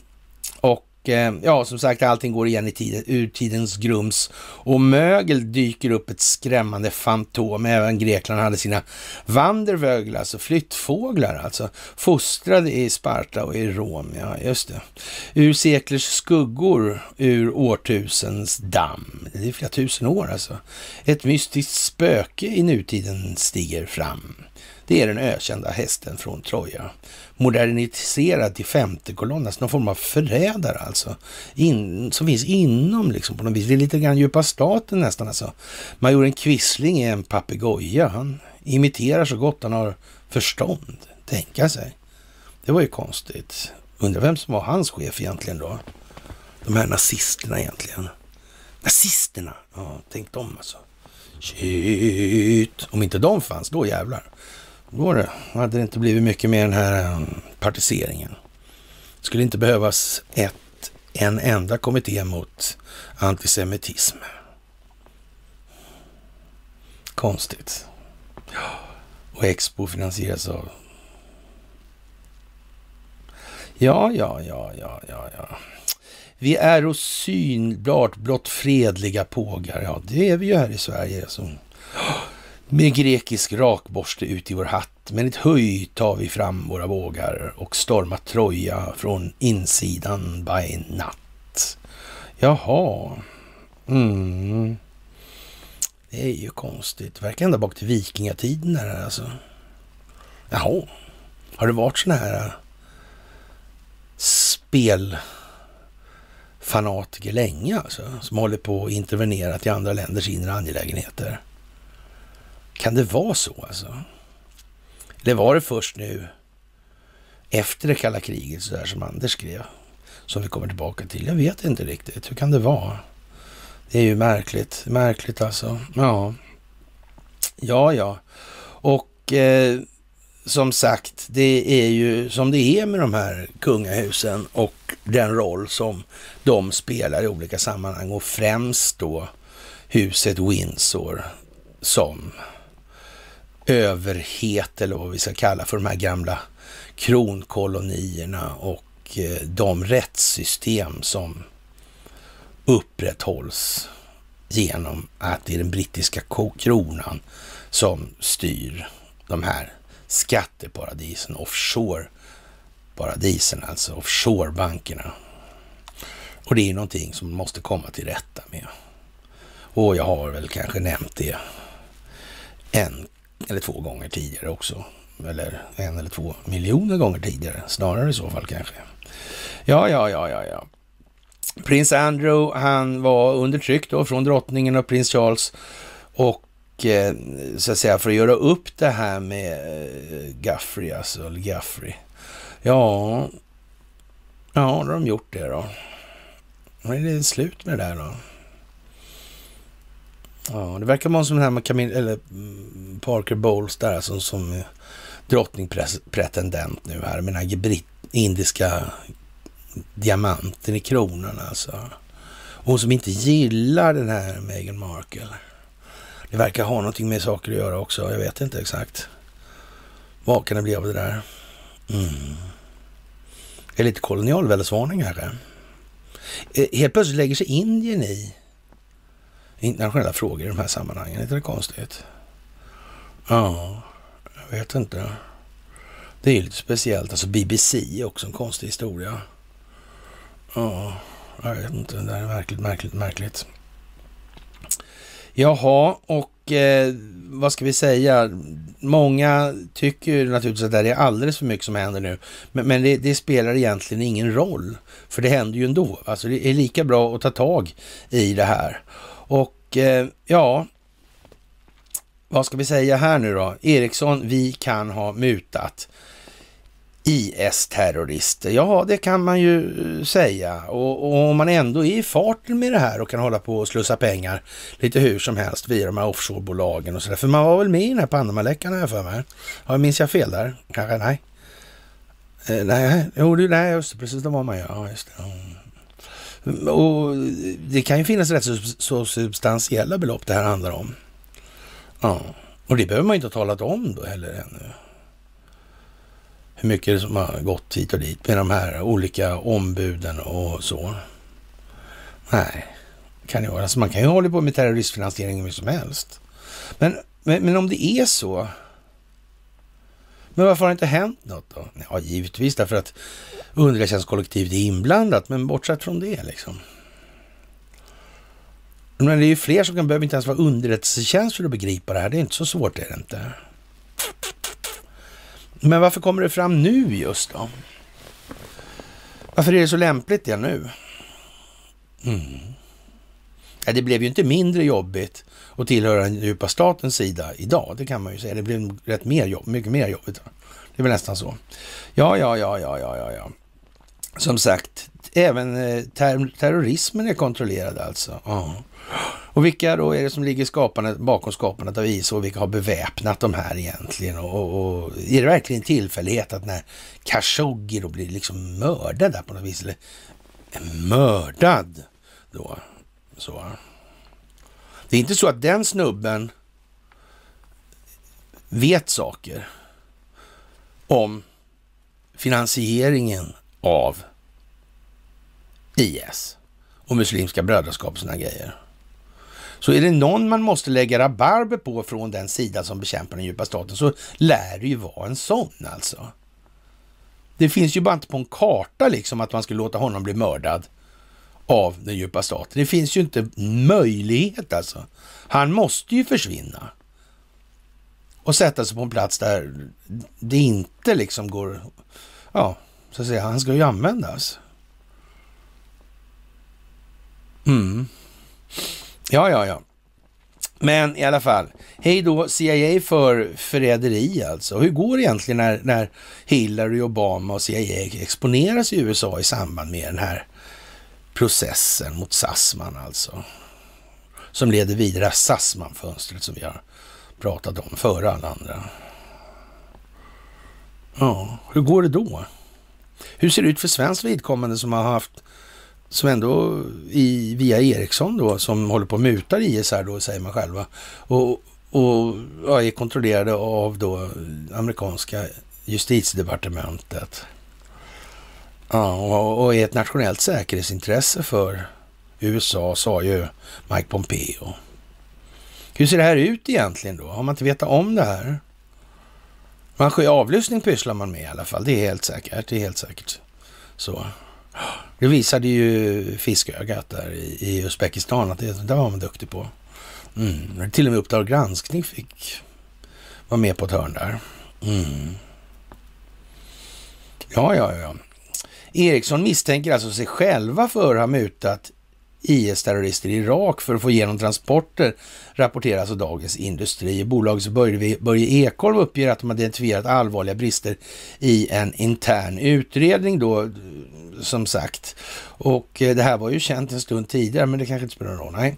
Samtidigt riktas SVTs Uppdrag granskning kritik mot vd Börje Eriksson som, som har duckat alla frågor då om Irak. Vi har sökt Eriksson under mycket lång tid med frågor om det här och mycket intensivt de senaste veckorna, säger Uppdrag gransknings ansvarige Axel Björklund. Och kan det vara någonting med det då? Att det kanske är så med Uppdrag granskning, att det kanske inte ska tillmätas någon sån där äh, astronomiskt, äh, alltså får de problemformuleringsinitiativet så känns det ju som att då, då, finns det ju risk att man så att säga spinner det där till någonting annat än vad det egentligen är i verkligheten.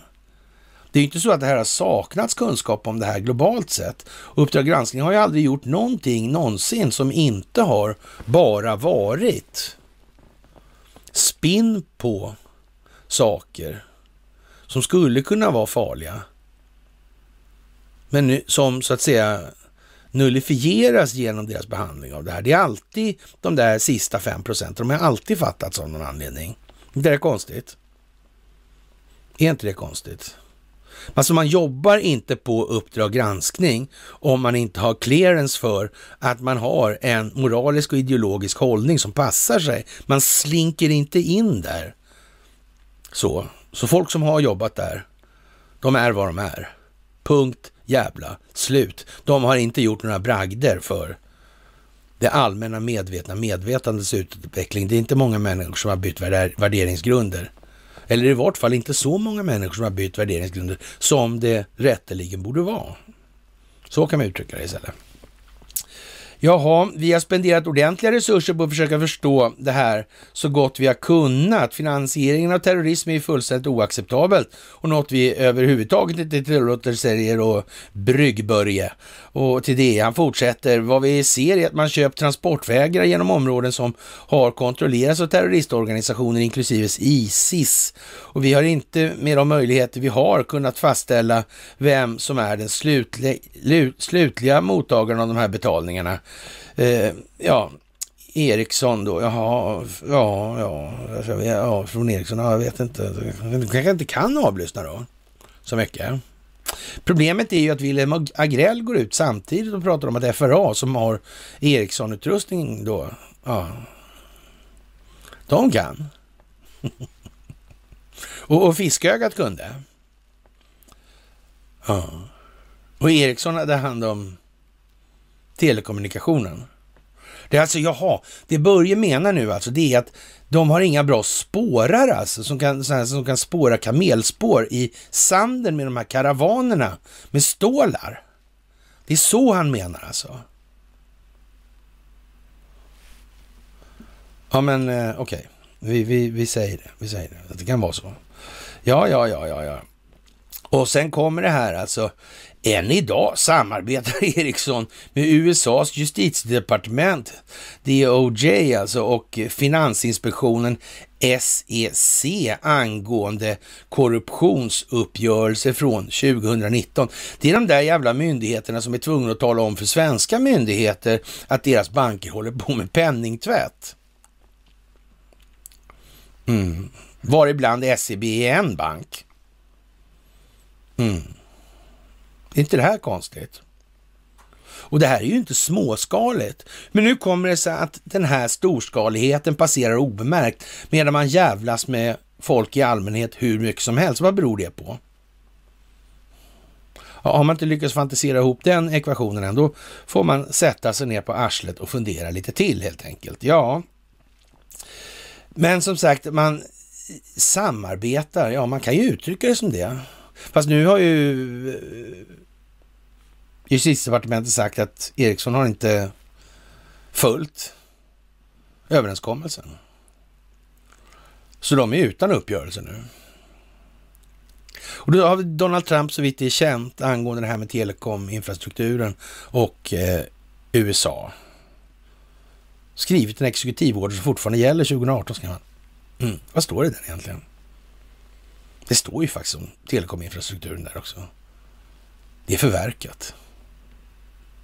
Det är förverkat nu. Ja, vad konstigt. Ja, by the way. Skulle plattformarna kanske förstatligas? Det susade i Säven. Det lät så. Någonstans. Har man sett. Var inne, var inne, var inne, var inne. Det blir spännande det här. Det blir spännande det här. Ja, ja. Jaha, och eh, som en följd av alla mediers frågor ser vi över vår utredning och kommer att jämföra den med information som presenteras i medierna. Om ny information uppkommer alltså i medierna, då, i, som ja, kommer företagen att vidta ytterligare åtgärder, skrev Ericsson i ett pressmeddelande. Och nu måste vi torka tårarna här. Om de har gjort en väldigt fin och flossig utredning då så här, och, och lagt, naturligtvis lagt ner den mesta energi de bara kan. Va? Och, och, och sen kommer det så här alltså, om det dyker upp alltså eh, nya eller ny information uppkommer alltså. Kommer företag att vidta ytterligare. Men om, alltså, om vi åker fast för mer så kommer vi att vidta mer åtgärder. Okej. Okay.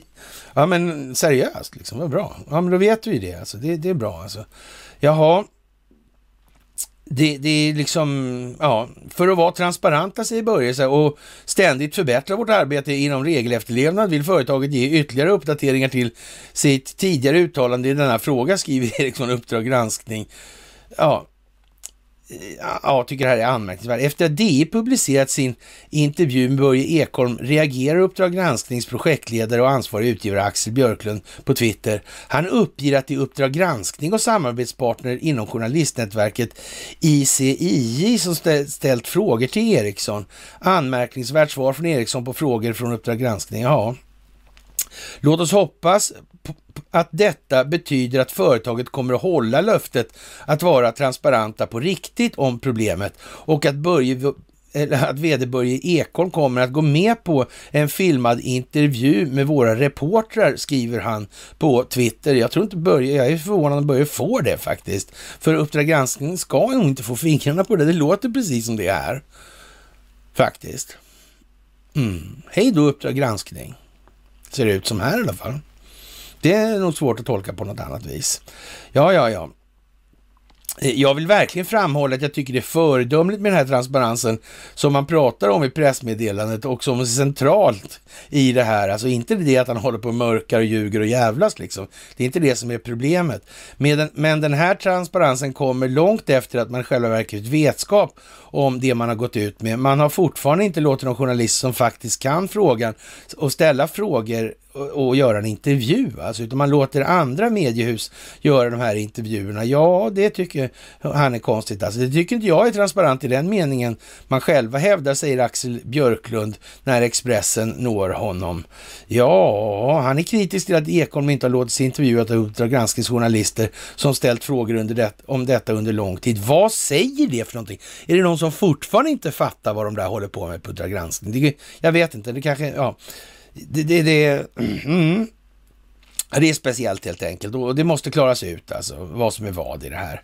Och ja, som sagt, när det gäller då situationen med eh, Vaxepaxe och det här alltså. Den är helt intellektuellt död, det hoppas jag alla fattar. Och det här handlar ju om att exponera den här girigheten, enskilda vinstmaximeringen och att man faktiskt är beredd att gå över lik i den meningen. Det är ingenting man bryr sig om i det. Det handlar om pengar i de sammanhangen. Och, och frågan är alltså, är läkemedel verkligen någonting som ska vara styrt av enskilda nyttomaximeringsintressen. Det är ju uppenbarligen inte läkandet som är främsta syftet med det bolagets verksamhet. Det främsta syftet med det bolagets verksamhet, sådana bolags verksamhet, det är alltså vinstmaximeringen. Och ingenting annat ska det vara så svårt att förstå liksom.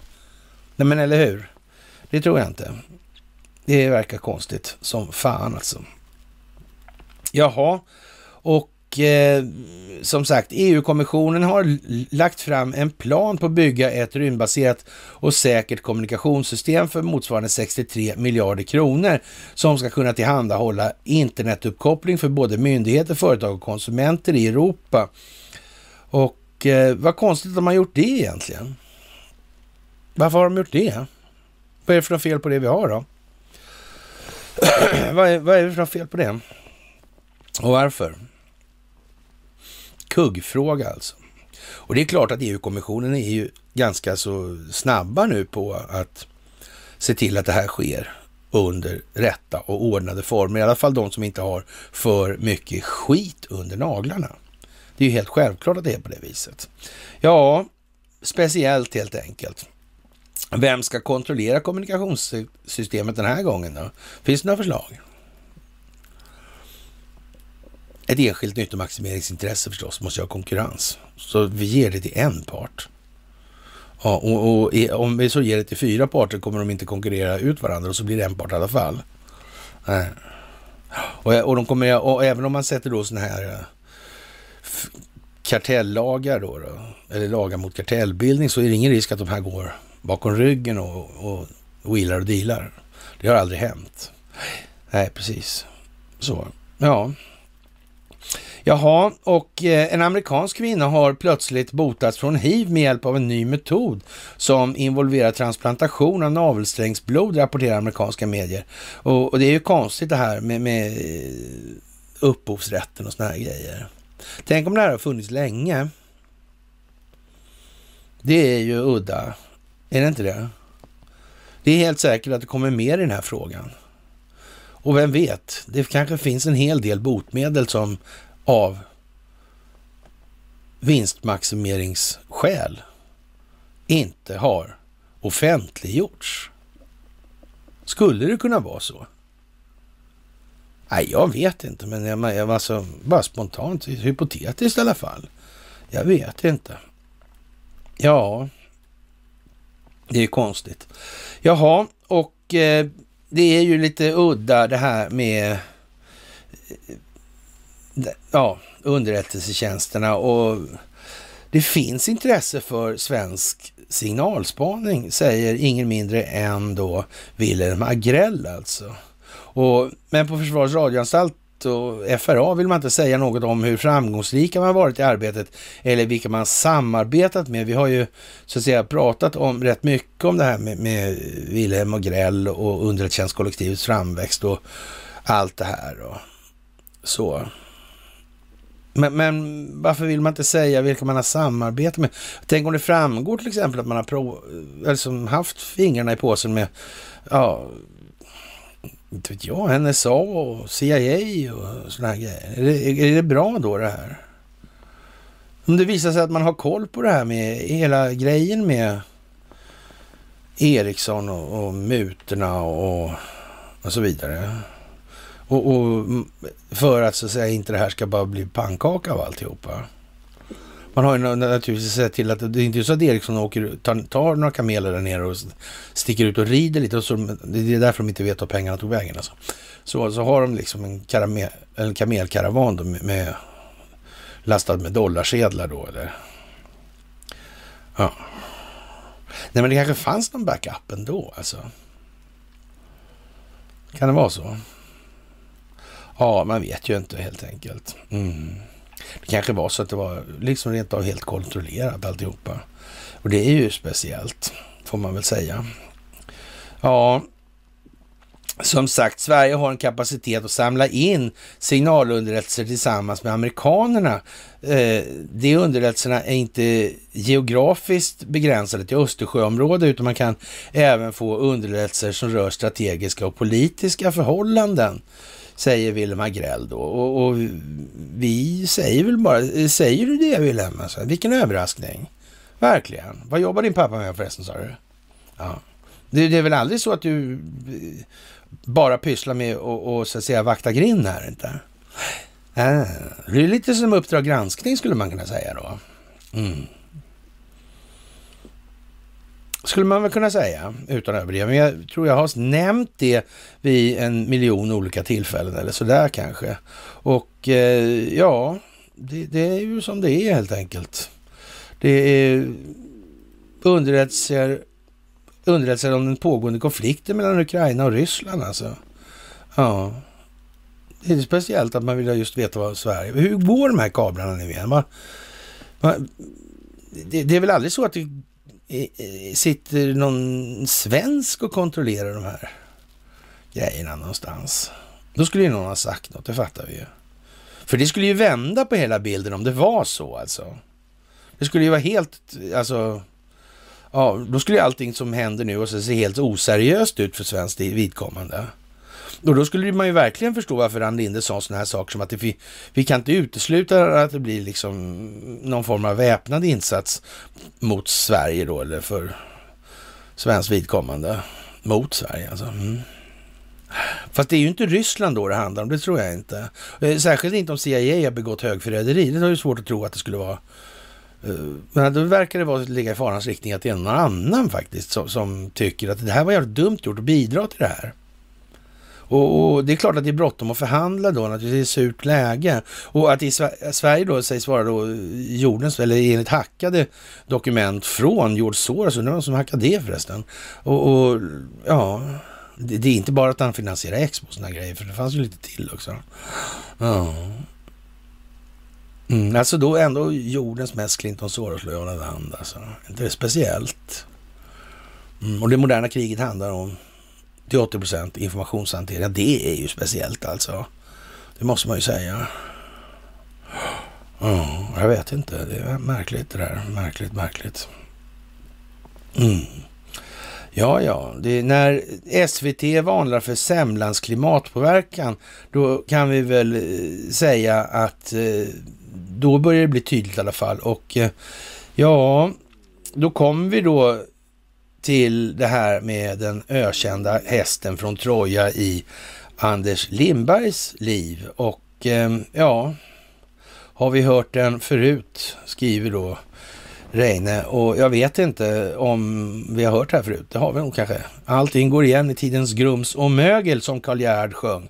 Och den skrämmande fantomen är här igen. Så avslutar Anders Lindberg sin ledarsida det för dagen onsdagen den eh, 16 andra 22, alltså 2022. Och, och, det är som sagt det är en vattendelare, det är en markör. Alltså det är, Anders vet mycket väl hur jag förhåller mig till Karl Gerhard i de här sammanhangen och det är så att säga det finns med i den här artikeln då, fast man ja, får läsa lite kontextuellt alltså. Och, och Anders tillhör den sista generationen som faktiskt fick uppleva fel sida av Berlinmuren och, och som har tydliga minnen av dess fall alltså. Och eh, inte trodde jag då att det kalla kriget kunde komma tillbaka. Men när Ann Linde läser upp utrikesdeklarationen i riksdagen är det precis där vi står, alltså när vi läste upp som Ann Linde, mellankrigstiden ser ut att vara över. Och Eh, ja, det var på sommaren 89 som han reste med scouterna i Tyskland och han har ju scoutskjortan kvar, det är den där blå om ni undrade. Han odlar ju det där för att se töntig ut liksom så han inte ska bli tagen för vad han egentligen är alltså.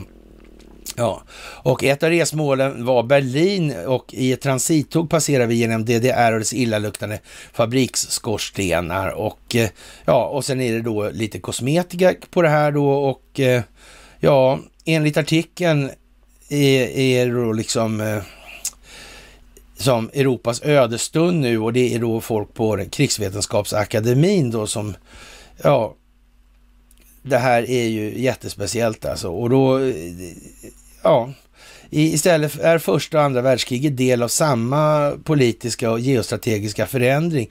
Det ena följer på det andra och samma sätt är det med kalla kriget och dagens allt mer hetare konflikt i Ukraina. Och det kan man ju faktiskt säga att Anders har rätt i, i de här meningarna då. Alltså det är ju faktiskt exakt samma parter. Och, och, det är ju den här framväxten av, eller spioncentralen, den föreläsningen, det handlar ju om det här. Och, och sen är det ju inte, liksom, inte skitkomplicerat direkt. Och ja, det är ju det vi ser är en fortsättning av kalla krigets mekanismer med andra medel. Vi är alltså tillbaka vid Berlinmurens, även om, tagg, Berlinmur, även om taggtråden och kulsprutorna flyttats österut. Alltså. Och de vita korsen är fler än någonsin, alltså de här folk som har dött då. Bara i Ukraina har rysk maktpolitik kostat 15 000 människor livet ur tidens grum som ögel. Alltså Vladimir Putin kommer inte att bry sig. För honom är andra liv ingenting värda? Nej, det, det, skulle inte jag säga. Det är nog där drar de till lite för mycket. Så är det ju inte. Och idag är imperialist, imperialism ofta officiell rysk politik som i Aftonbladets intervju med den ryska ambassadören Viktor Tatarintsev Ryssland anser sig ha rätt att bestämma över vår utrikespolitiska. De hymlar inte ens. Nej, precis. Ann Linde kommer idag att säga att svensk utrikes och säkerhetspolitik ligger fast. Vi tar inte diktat från Moskva och vi samarbetar med vem vi vill. Ja, det är precis som att Ericsson samarbetar med amerikanska justitiedepartementet. De vill samarbeta med dem. Så enkelt är det bara. Och det gäller Anders också. Så han kommer att samarbeta med vem han vill. Han kommer att välja det val som han måste välja och, och det gör han ju naturligtvis redan här. Och eh, ja, allting går igen ur tidens grums och mögel som Karl Gerhard sjöng och den skrämmande Fantomen är här igen. Ja, det är ju så. Det blev två världskrig och ett kallt krig. Och sen blev det en massa annat i ekonomiska sammanhang och informationskriget och så vidare. Och nu står vi här. Och Anders har sagt vad han sagt och säger vad han säger. Han byter inte tonläge i den meningen. Nej, så är det. Och eh, ja, nu har han inte scoutskjortan på sig idag då, på den där bilden, men det, han har väl poppat till sig kanske, jag vet inte. Det är ju i alla fall mycket speciellt det här och vi, vi har väl aldrig varit med om sån här, sån här dramatik. Det är ju liksom vad det är bara. Och, och det är inte så mycket att säga faktiskt. Det knakar lite om Börje i bryggan där och ja, det är väl Börjes koter som knakar kan man tänka sig. Det är knappast att han har ätit för mycket popcorn eller sådär. Det är det väl inte så. Och eh, ja, det är många som kommer vända under galgen nu och nu börjar det ordentligt. Nu lyfter det verkligen ordentligt. Det ska man ha riktigt klart för sig faktiskt. Och eh, det här med kärnkraften som lösning på framtidens energiproblem. Ja, det kommer att bli vad det blir. Och det här bygger på inte minst att vi måste rusta upp vår kärnvapenarsenal tills dess att människor bättre förstår den verkliga innebörden av atomvapnet. Det kalla kriget byggde på terrorbalansen. Mm. Det tror väl fan att det måste vara farligt då. Mm, -mm. Det går inte annars. Och framförallt, det går ju liksom inte att lura befolkningarna till att betala för den här typen av militära extravaganser. Med mindre än att de ser en anledning till det. Då får man ge dem anledningen, helt enkelt. Problem, reaction, solution och så vidare. Ja, det där har ni ju klart för er naturligtvis. Och eh, ja, det är ju beklagligt kanske kan man tycka att det ska behöva gå så här långt, men eh, ja, i Kanada som är en kronkoloni, alltså en Five Eyes-koloni, höll jag på att säga.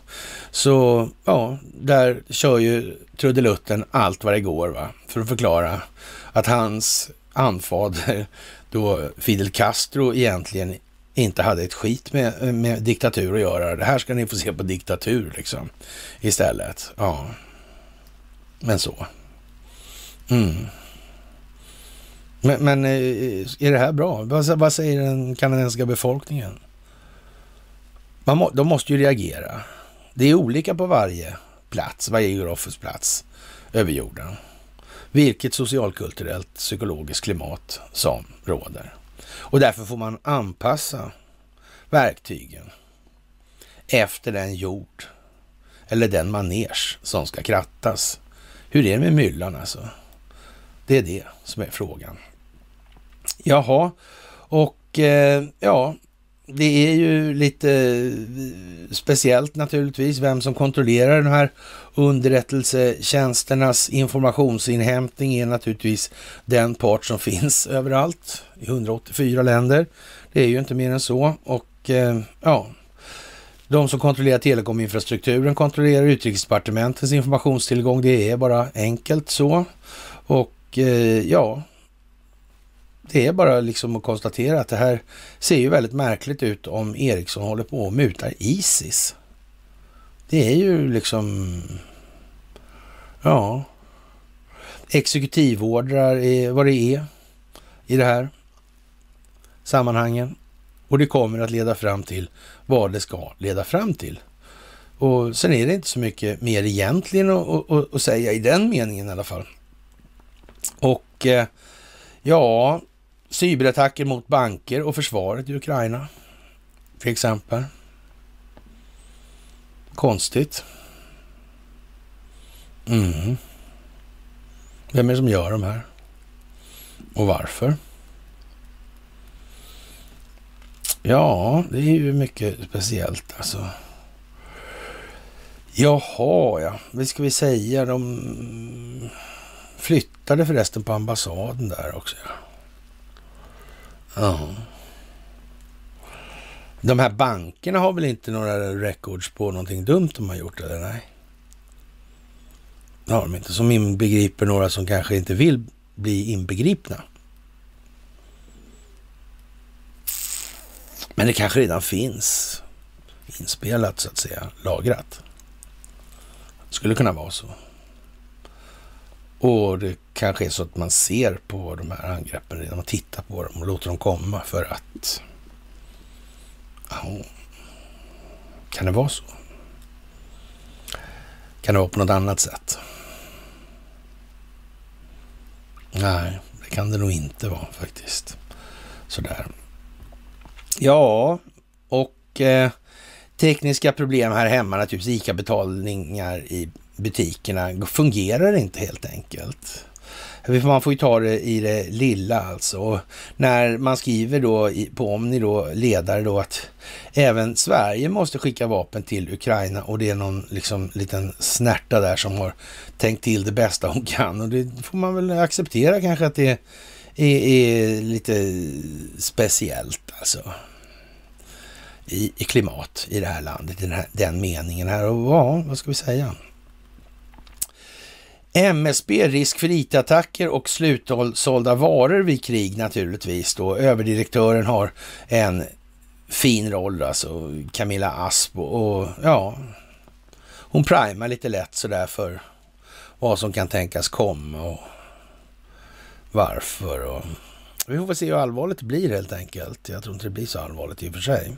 Men även om behovet är jävligt stort, det behöver bli allvarligt, men frågan är om det inte finns mer effektiva sätt sådär än att...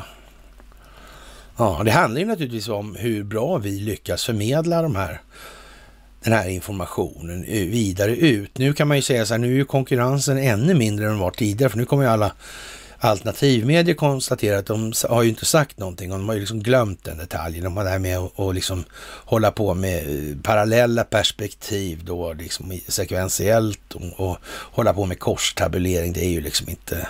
De håller ju på med en sak åt gången liksom. Det är den frågan de brinner för. Sen är det liksom inget mer. Och en del är naturligtvis eh, inne på den här frågan att vi måste enas. Det spelar ingen roll vad vi ska enas om. Vi ska enas om en så bra och vid eller vittomfattande problemformulering som möjligt givetvis alltså. Mm. Men om de tror att den själsliga utvecklingen kommer bättra på sig jävligt mycket för man byter ekonomiskt system eller motsvarande, då är man nog ute och cyklar lite grann. Ja, det är bara så. Det här måste man fatta på ett lite mer vittgående sätt helt enkelt. Det går inte att bara sitta och glo på det eller för att inte tala om vad det hjälper att starta politiska partier och rösta inom ramen för samma system. Det, det, tror jag man kan skita i totalt helt enkelt. Vi har inte ens grundlagar värdiga. Vi har liksom inte, vi har inte ens en maktdelningsprincip. Vi har någonting som heter folksuveränitetsprincip och det är liksom ingen hit om vi säger som så alltså. För någon annan än den djupa staten skulle man väl kunna säga då. Ja, Ryssland taggar ju ner som sagt och det är vad det är. Och, ja, det här kommer att bli vad det blir alltså. Vi får se idag om det blir något stort rysskrig som man har sagt. Och om det inte blir det så kommer det naturligtvis verka lite förklenande på, på liksom, eh, ja, förtroendet för medierna igen. Den stora delen av det moderna kriget, informationshanteringen. Det är bara det och eh, ingenting annat. Vladimir Putin vill inte ha krig i Europa, det framgår och eh, vad ska vi säga? Varför vill då George Soros att Xi Jinping ska avgå? Ja, det hänger ihop det här. Xi Jinping kommer inte åt den djupa staten på något bra sätt innan dess att den är beskuren i USA. Det är den nu. Nu har vi passerat Rubikonpunkten i den meningen. Nu lyfter det här. Nu börjar allting. Och det är en rätt så dramatisk grej. Faktiskt. Det mest dramatiska vi har upplevt under våra liv och ja, sådär. Sverige har världens ja, dyraste diesel. Skam till mig alltså, som trodde att det skulle funka lite grann. Det där, det hjälper inte att vi har världens dyraste diesel. Det är liksom ingenting som får folk att reagera på det viset. Och, och är det så att de reagerar, då reagerar de bara enkom på den frågan och, och ser inte alls till grunderna till varför det är så, att det här på något vis hänger ihop med ett ekonomiskt system som i sin tur styrs av ett valutafinansiellt system som i sin tur styrs av en inneboende funktion, mekanisk funktion och karaktär. Och att det här är en ovillkorlig konsekvens av alla de här grejerna. Det, det, nej, nej, nej. Och, och det i sin tur är det som ligger till grund för den geopolitiska kosmetika vi ser omkring oss och den utveckling vi står inför idag. Det blir lite för svårt för dem. Då, då, ja, men jag menar, ja, visst. Ja, ja, men okej då. De tänker inte tänka helt enkelt. Och eh, Lena Melin, hon är stacklad så det räcker naturligtvis. Och eh, det blir nästan aldrig som folk bestämmer vid folkomröstningar. Ja, vad var det hon sa nu då? Maggot. Vi förlåter er aldrig. Man ska inte ha folkomröstningar om de inte är ordentligt förberedda. Fattar det nu? Ja. Ja, men tänka sig, förberedda alltså. Tur är när omständigheter kommer till förberedelse. Är det svårt det här? Nej, det, det är inte svårt det här. Det här kan alla förstå. Det, det här är inte så svårt. Och, och, och, det är klart att man inte kan ha folkomröstningar om de inte är förberedda. Då har man ju inte tur i dem. Så. Nej. Precis alltså. Och eh, ny testreaktor för kärnkraft bestämde man helt plötsligt sig för då igår. Och, och det var ju lite trevligt sådär. Och, och, det verkar inte bli så dyr heller. 99 miljoner skulle man satsa sådär. Och, och det blir ju inte så, så många eh, vinstsnurror på det precis. Alltså det ska byggas i Oskarshamn. Titta vad konstigt. Det är, ja, det kommer, reaktorn kommer bestå av små modulära reaktorer som är en ny teknik för kärnkraft. Det, Eh, Eh, det har inte funnits båtar med sådana här tidigare alltså. Inte sedan 1950-talet när den här Savanna då, och, och för, men det har man glömt bort nu för man har slarvat bort alla papperna från den tiden för de svenskar som var med i det projektet. Så. Det var ju tur. Eller vad man nu ska kalla det, för det var förberett i alla fall. Verkar det som, om det här är ny nu alltså. Ja, ja, det är ju lite speciellt. Och eh, hur etablissemanget fungerar. Ja, det är ju vad vi ska säga och det är en artikel då som vi har delat här och det handlar ju så där Craig Murray är ju en lirare som har jobbat alltså. Det här handlar om Jimmy, Sam, Jimmy Savile. Det handlar om eh, Red Bee, det handlar om BBC där han jobbade då. Hur, varför ser etablissemanget ut som det gör i England då? Vad är det här för någonting? Och hur ser det, förhåller det sig här till Assange-affären till exempel? Och varför vadå inte förlåtas av Margot? Och, och så vidare i det här. Det hänger ihop. Det hänger ordentligt jävlar ihop. Och, och, ni kan ju titta på den artikeln på bloggen om ni inte sitter och orkar läsa på min Facebook-sida, för den ligger där också då. Och eh, ja, han är ju lite sådär, eh, ja, det här med att få de här kabalerna hit och dit, va? det ja, frimurare och Bilderbergare eller någon sån här gruppering, det är inte riktigt eh, så alltså som det går till det här. Och ja, det är ju kanske jag vet inte om ni har sagt det någon gång. Alltså, rymdödlorna är naturligtvis det är en annan sak. Alltså, det är en annan sak. Så. Ja, ja, men i alla fall, han har, han har, han har lite erfarenhet och det. Han har ju varit diplomat i 20 bast och sådär och, och eh, massa olika grejer. Så han har varit in, insatt i det här. Och, och, på riktigt alltså, inte på låtsas på det sättet som alla de här som sitter och, och, och tänker till eller tycker till bara. Så. Han, han vet lite på sakliga grunder varför det ena eller andra. Och eh, ja, det här med Jimmy Savile, vad är det Boris Johnson håller på med egentligen? Och vad är syftar det till? Ja, det är ju det. Det är ju det. Och varför behandlar engelsmännen Julian Assange som de gör? Varför säger Donald Trump att Boris Johnson vet hur man spelar för att vinna? Vad är det här för någonting? Vem var det som egentligen bestämde det här med vad det, hur den brittiska åklagaren skulle agera i de här sammanhangen. Kan det ha varit en setup också? Ja. Kan det gå ut på att man måste riva det brittiska systemet till delar också? Ifall man ska komma åt den djupa staten. Mm.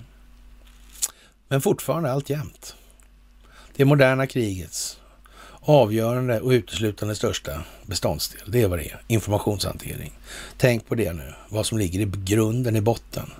Sådär. Ja. Han avslutar så här, som jag ofta säger, jag har inget emot om du håller med mig eller inte. Alltså. Och eh, jag vill verkligen att alla ska tänka själva. Mitt mål är att peka ut fakta som inte beaktas tillräckligt och projicera ett annat perspektiv än det som vanligtvis främjas i mainstream-media. Jag har inte alltid rätt i allt, men jag hoppas att du fann att läsa det här gav du några idéer att tänka igenom och det är lite viktigt det där. Ni kan leta upp den här artikeln och rubriken på den är alltså hur etablissemanget fungerar och den står i konsortium News annars.com då. Och det kan ju vara värt att ta till sig faktiskt och eh, som sagt eh, den här historien med Durham i USA, den försvann inte. Den fanns kvar och den växte istället. Vad synd. Det var en trist grej va? Och eh, ja, det är ju bara, den accelererar helt enkelt och det är ju lite förargligt måste man väl säga, alltså när de FBI's biträdande chef för kontraspionaget alltså. Och, ja, Mark Elay, alltså chefsjurist för Clinton-kampanjen och de är kallade förhör. De kommer ju naturligtvis att försöka rädda sina arslen alltså. Ja, och FBI's tidigare chefsjurist och James Baker alltså. När de börjar vittna då är det ju jävligt tjurigt alltså. Det får man nog anse och de tänker nog inte ta några ja, straff för. Och då kan de klara livhanken så, så då gör de ju det naturligtvis. Och de tänker inte eh, gå under för att gynna den djupa staten. Det är alldeles säkert. Egennyttiga människor fungerar inte på det viset. Det är nu de kommer i sin allra svagaste position. Nu finns ingen lojalitet längre. Nu är det var och en för eget arsle och ingenting annat. Det är fantastiskt alltså. Det är den största politiska skandalen i amerikansk historia förmodligen på planetens historia. Det här. Det blir någonting i hästväg alltså. Och eh, som sagt, det är en global företeelse och eh, man bedömer nu att handlingsfriheten för den djupa staten är tillräckligt beskuren. Det är bara så alltså. Och eh, ja, man hör röster från Kina. Oppositionella röster. Då så. Då vet vi. Och eh, med det, kära vänner. Ni ska ha det största av tack. Ni är fantastiska. Det här är fantastiskt. Det är otroliga tider och det är fantastiskt att vi får uppleva det här tillsammans. Ni gör ett kanonjobb och eh, många kommer bli förvånade över hur bra saker och ting utvecklar sig. Det är också helt säkert. En fantastisk dag och eh, om ingenting ännu mer dramatiskt inträffar så hörs vi på fredag. Med det vill jag önska herrskapet en fantastisk piglördag. Så hörs vi på fredag. Hej!